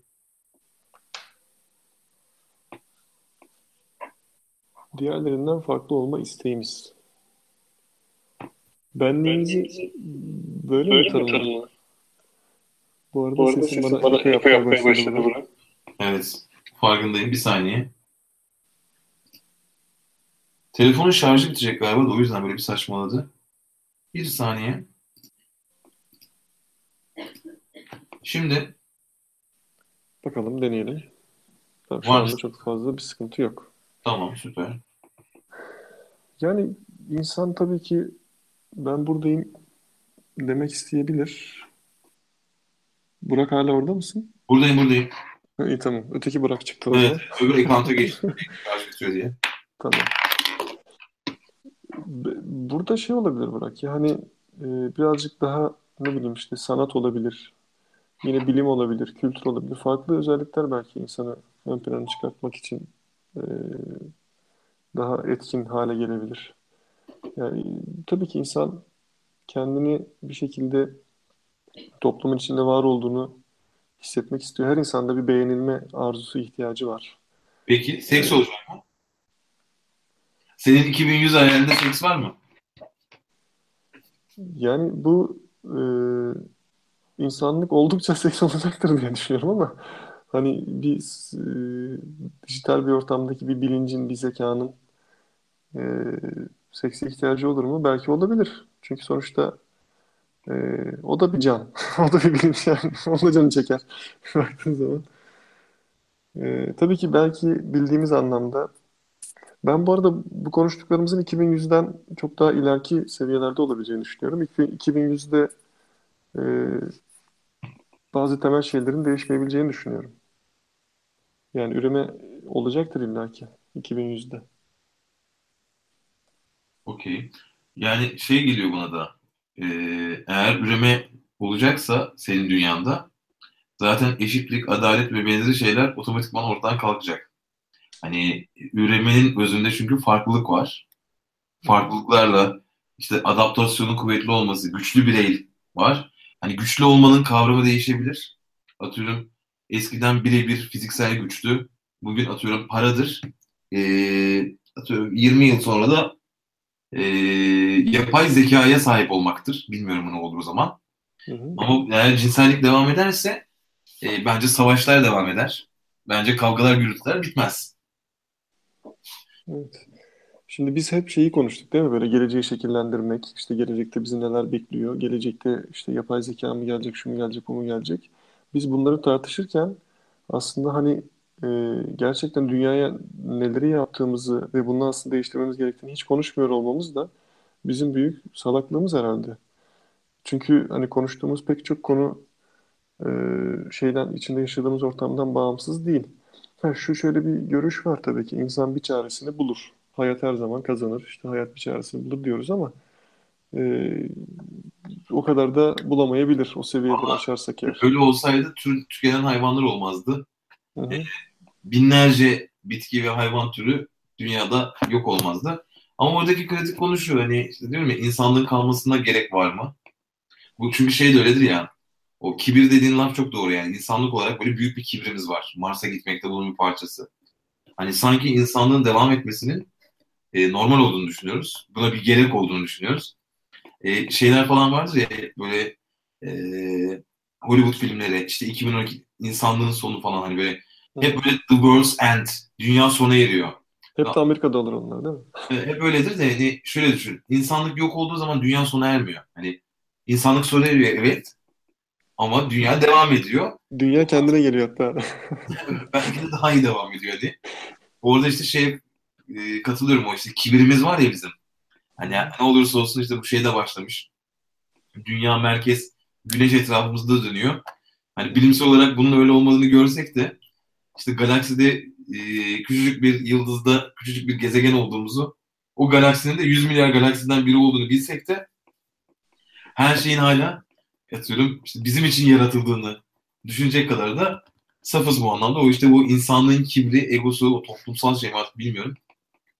Herhalde e, en büyük belamız olacak ileride de. Evet yani hani e, uzaya mı gideceğiz, Mars'a mı gideceğiz, şunu mu yapacağız, bunu mu yapacağız derken gözümüzün önündeki şeyi E, Çok az insanın değerlendirmesi çok acı. Biz de dahil olmak üzere Söyleyeceğim, yani. söyleyeceğim. Ben burada metrobüsle Avcılar'dan Zincirlikuyu'ya gelemiyorum. Mars'a nasıl gideceğiz? Yanlışsam yanlışsın da yani. yani Zaten biz gitmeyeceğiz bırak ya. Metrobüste iş çıkışı, Zincirlikuyu'da yaşananları düşün. İnsanlık dramını düşün oradaki. Ne oluyor? Bu nedir? TLF giriyor bırak. Bilmiyorum atla girdi. Bu nedir ya? Arkadan müzik çalmaya başlamış. Sanırım yanlışlıkla play'e bastım. Serhat'ım kapatıyoruz. 0026 yaptık. 2 saati buldu sohbetimiz. Evet. Nasıl kapatalım peki? Umut'la kapatalım. Öncelikle bizi dinleyen, isimlerini şu an bildiğim İrfan Birol. Arada Salih de dinliyordu, onu gördüm. Ee, ama şu an 3 tane dinlemeye devam eden ama isimsiz kahramanımız var. Ee, sabırla bizi dinleyen. Ee, onlara teşekkür edelim. Ee, azız ama eğer hani bu sohbet birazcık keyif veriyorsa, birazcık bizim gibi bakıyorsanız dünyaya, yapacak birlikte bir şeylerimiz olabilir. Ee, önce onlara teşekkür edelim. Ondan sonra da önümüzdeki hafta şey konuşacağız. Ee, kentsel dönüşüm konuşacağız 21 Aralık'ta. Kentsel dönüşümde Murat aramızda olur diye planlıyoruz ama Murat'la konuşup böyle bir kesinleştirmedik. Ee, onunla ilgili zaten postlarımızdan takip edebilirsiniz bizi. Umuyorum. Herkese çok teşekkürler. Biz iki saat kendi aramızda. Yani şey güzel oluyor. Serhat'la böyle farklı konular üzerine konuşuyor olmak benim için her zaman aydınlatıcı oluyor. Çok da keyifli oluyor. Şey hissediyorum böyle. iki saat ya nasıl konuşacağız bu konu üzerine falan diyorum. Sonra bakıyorum iki saat olmuş bayağı da konuşmuşuz. Umarım çok boş konuşmamışızdır. İçinden bir şeyler. Bu arada beğenerek dinlemek zorunda değil insanlar. Belki de sinir olarak işte küfür ederek dinleyen bir kitle de olabilir. Onlara da teşekkür ediyoruz yine de. Her şeye rağmen. Genelde onlar tepkilerini chatten gösterebiliyorlar. Hani küfredenler "Ee, çok komiksiniz falan diye böyle. Var mı öyle şeyler? Yok yok. Şu an hani İrfan'ın çok katılımı oldu. Birol abinin bir katılımı oldu. Ama daha katılımcı, daha etkileşimci e, bir dünya istiyorum. Bak bu tarafta. Evet, kendimizi ifade etmek istiyoruz diyorsun. Çok teşekkür ederiz dinleyenlere. Ben de çok keyif alıyorum Burak. Biz yıllardır bu sohbetleri yapıyoruz ama hala konuşmaktan geri durmuyoruz yani. Bu da bizim çaresizliğimiz mi? Bizim kendi şeyimizi mi bilmiyorum. Konuşmadan duramamak. Bak gereksizler falan diye konuşuyoruz ya. Hı hı. Hadi 14 itibariyle Apple iMac Pro diye yeni bir cihaz tanıttı. E, bu cihazın şu an e, özelliklerini böyle maksimuma getirip satın almak istediğin zaman şu anki sepet fiyatı geldi önüme. Tahmin alayım. iMac Pro dediğim böyle büyük ekranlı bir Mac. Sence kaç liradır? Üstün özellik yani. Bütün böyle her şeyin maksimum olduğunu düşün bu tarafta. Fiyat Her olarak. şeyin maksimum. Ama şimdi bir de Apple'ın bu donanım hikayeleri var. Onları da katıyor musun içine? Yok onları Nasıl da kat, var? onları katmıyorum. Onları katmıyorsun. Ee, Ben sana söyleyeyim. 2.3 15 bin. Hz, 18 çekirdekli Xeon işlemci, 128 GB bellek, 4 TB hard disk falan filan. Evet. 20 bin lira mı? Hani şeyde bahsediyoruz ya gereksizler. Hı hı. Bak fiyat şu 70.726 lira. O paraya. Hani bilmiyorum gereksizleri özünde hissettin mi? Çünkü az önce bahsettiğimiz bunu alıp kullanacak insanlarla bunu görmeyecek hani e, Bence insanlar bunu almak gereksiz yani. Şey galiba bunu zaten almıyorsundur. Bunu gelip sana kuruyorlardı. Tuşlara falan basmazsın. Birilerine dersin ki bas. Hani Evet. 27 bin liraymış başlangıç fiyatı. Yani minimum en düşük özelliklisi 27 bin liraymış. 70 bin lira diğer böyle RAM'ini arttır, hard diskini arttır falan deyince. Şimdi gelecekte bunların fiyatı hep düşer bırak. Biz gelecek konuştuk akşam. Bizim umudumuz da gelecekte Sadece şöyle şeyin Normalde daha iyi olacağız. bir tek Apple ucuzlamıyor. Hani bütün teknolojiler ucuzluyor ama Apple ucuzlamıyor. Gitgide zamlanarak devam ediyor. Demek ki yeterince teknolojik değil. Ben de sizi öpüyorum. Tam iki saat oldu vallahi şaka bakın. Aa, oldu. Böyle umut verici bir 70 bin liralık haberle de programımızı kapatalım istedim. Her şey çok güzel olacak. Bugünden daha güzel olacak her şey inşallah. Birol abimiz şöyle demiş. Yıllardır yaptığınız sohbetleri duyamamak, kaydedememiş olmak sizlerin de kaybı olmuş. Hem bizlerin hem sizlerin kaybı olmuş. Tamam. Ee, Çok teşekkür var- ederiz. Ama bütün sohbetleri duysaydınız bu görüşte olmazdınız. Çok teşekkür ederiz. Çok naif bir yorum. Çok sağ olsunlar. Hem bize iki saat katlanıp üstüne bir de böyle bir yorum yazmak. Ee, Bir- Birol abi bizden biri, şöyle bizden biri. Erkan'ın e, eniştesi e, Tamam. İsviçre'de yaşıyor. Yazın Gökçeada'da da beraberdik onunla da. O süper. Galiba şimdi tekrar Türkiye'ye gelecekler. Bir böyle Kıbrıs maceraları olacak diye Erkan'la konuştuk. Buradan da bizi dinlediği için. Hani şeylerimiz var ya yurt dışında bizi dinleyen Evet. istatistiklerde gözüken yurt dinleyenler var ya işte bir tanesi Birol abi hani. Ha- hayaldi gerçek oldu yani. Gerçek oldu. Çok teşekkürler sabırla bizi dinlediğiniz için. Haftaya görüşmek üzere bir aksilik olmazsa. Öpüyorum Serhat'ım. Kendine çok iyi bak sen de. Çok sağ ol. Görüşmek üzere. Selamlar herkese. Görüşürüz.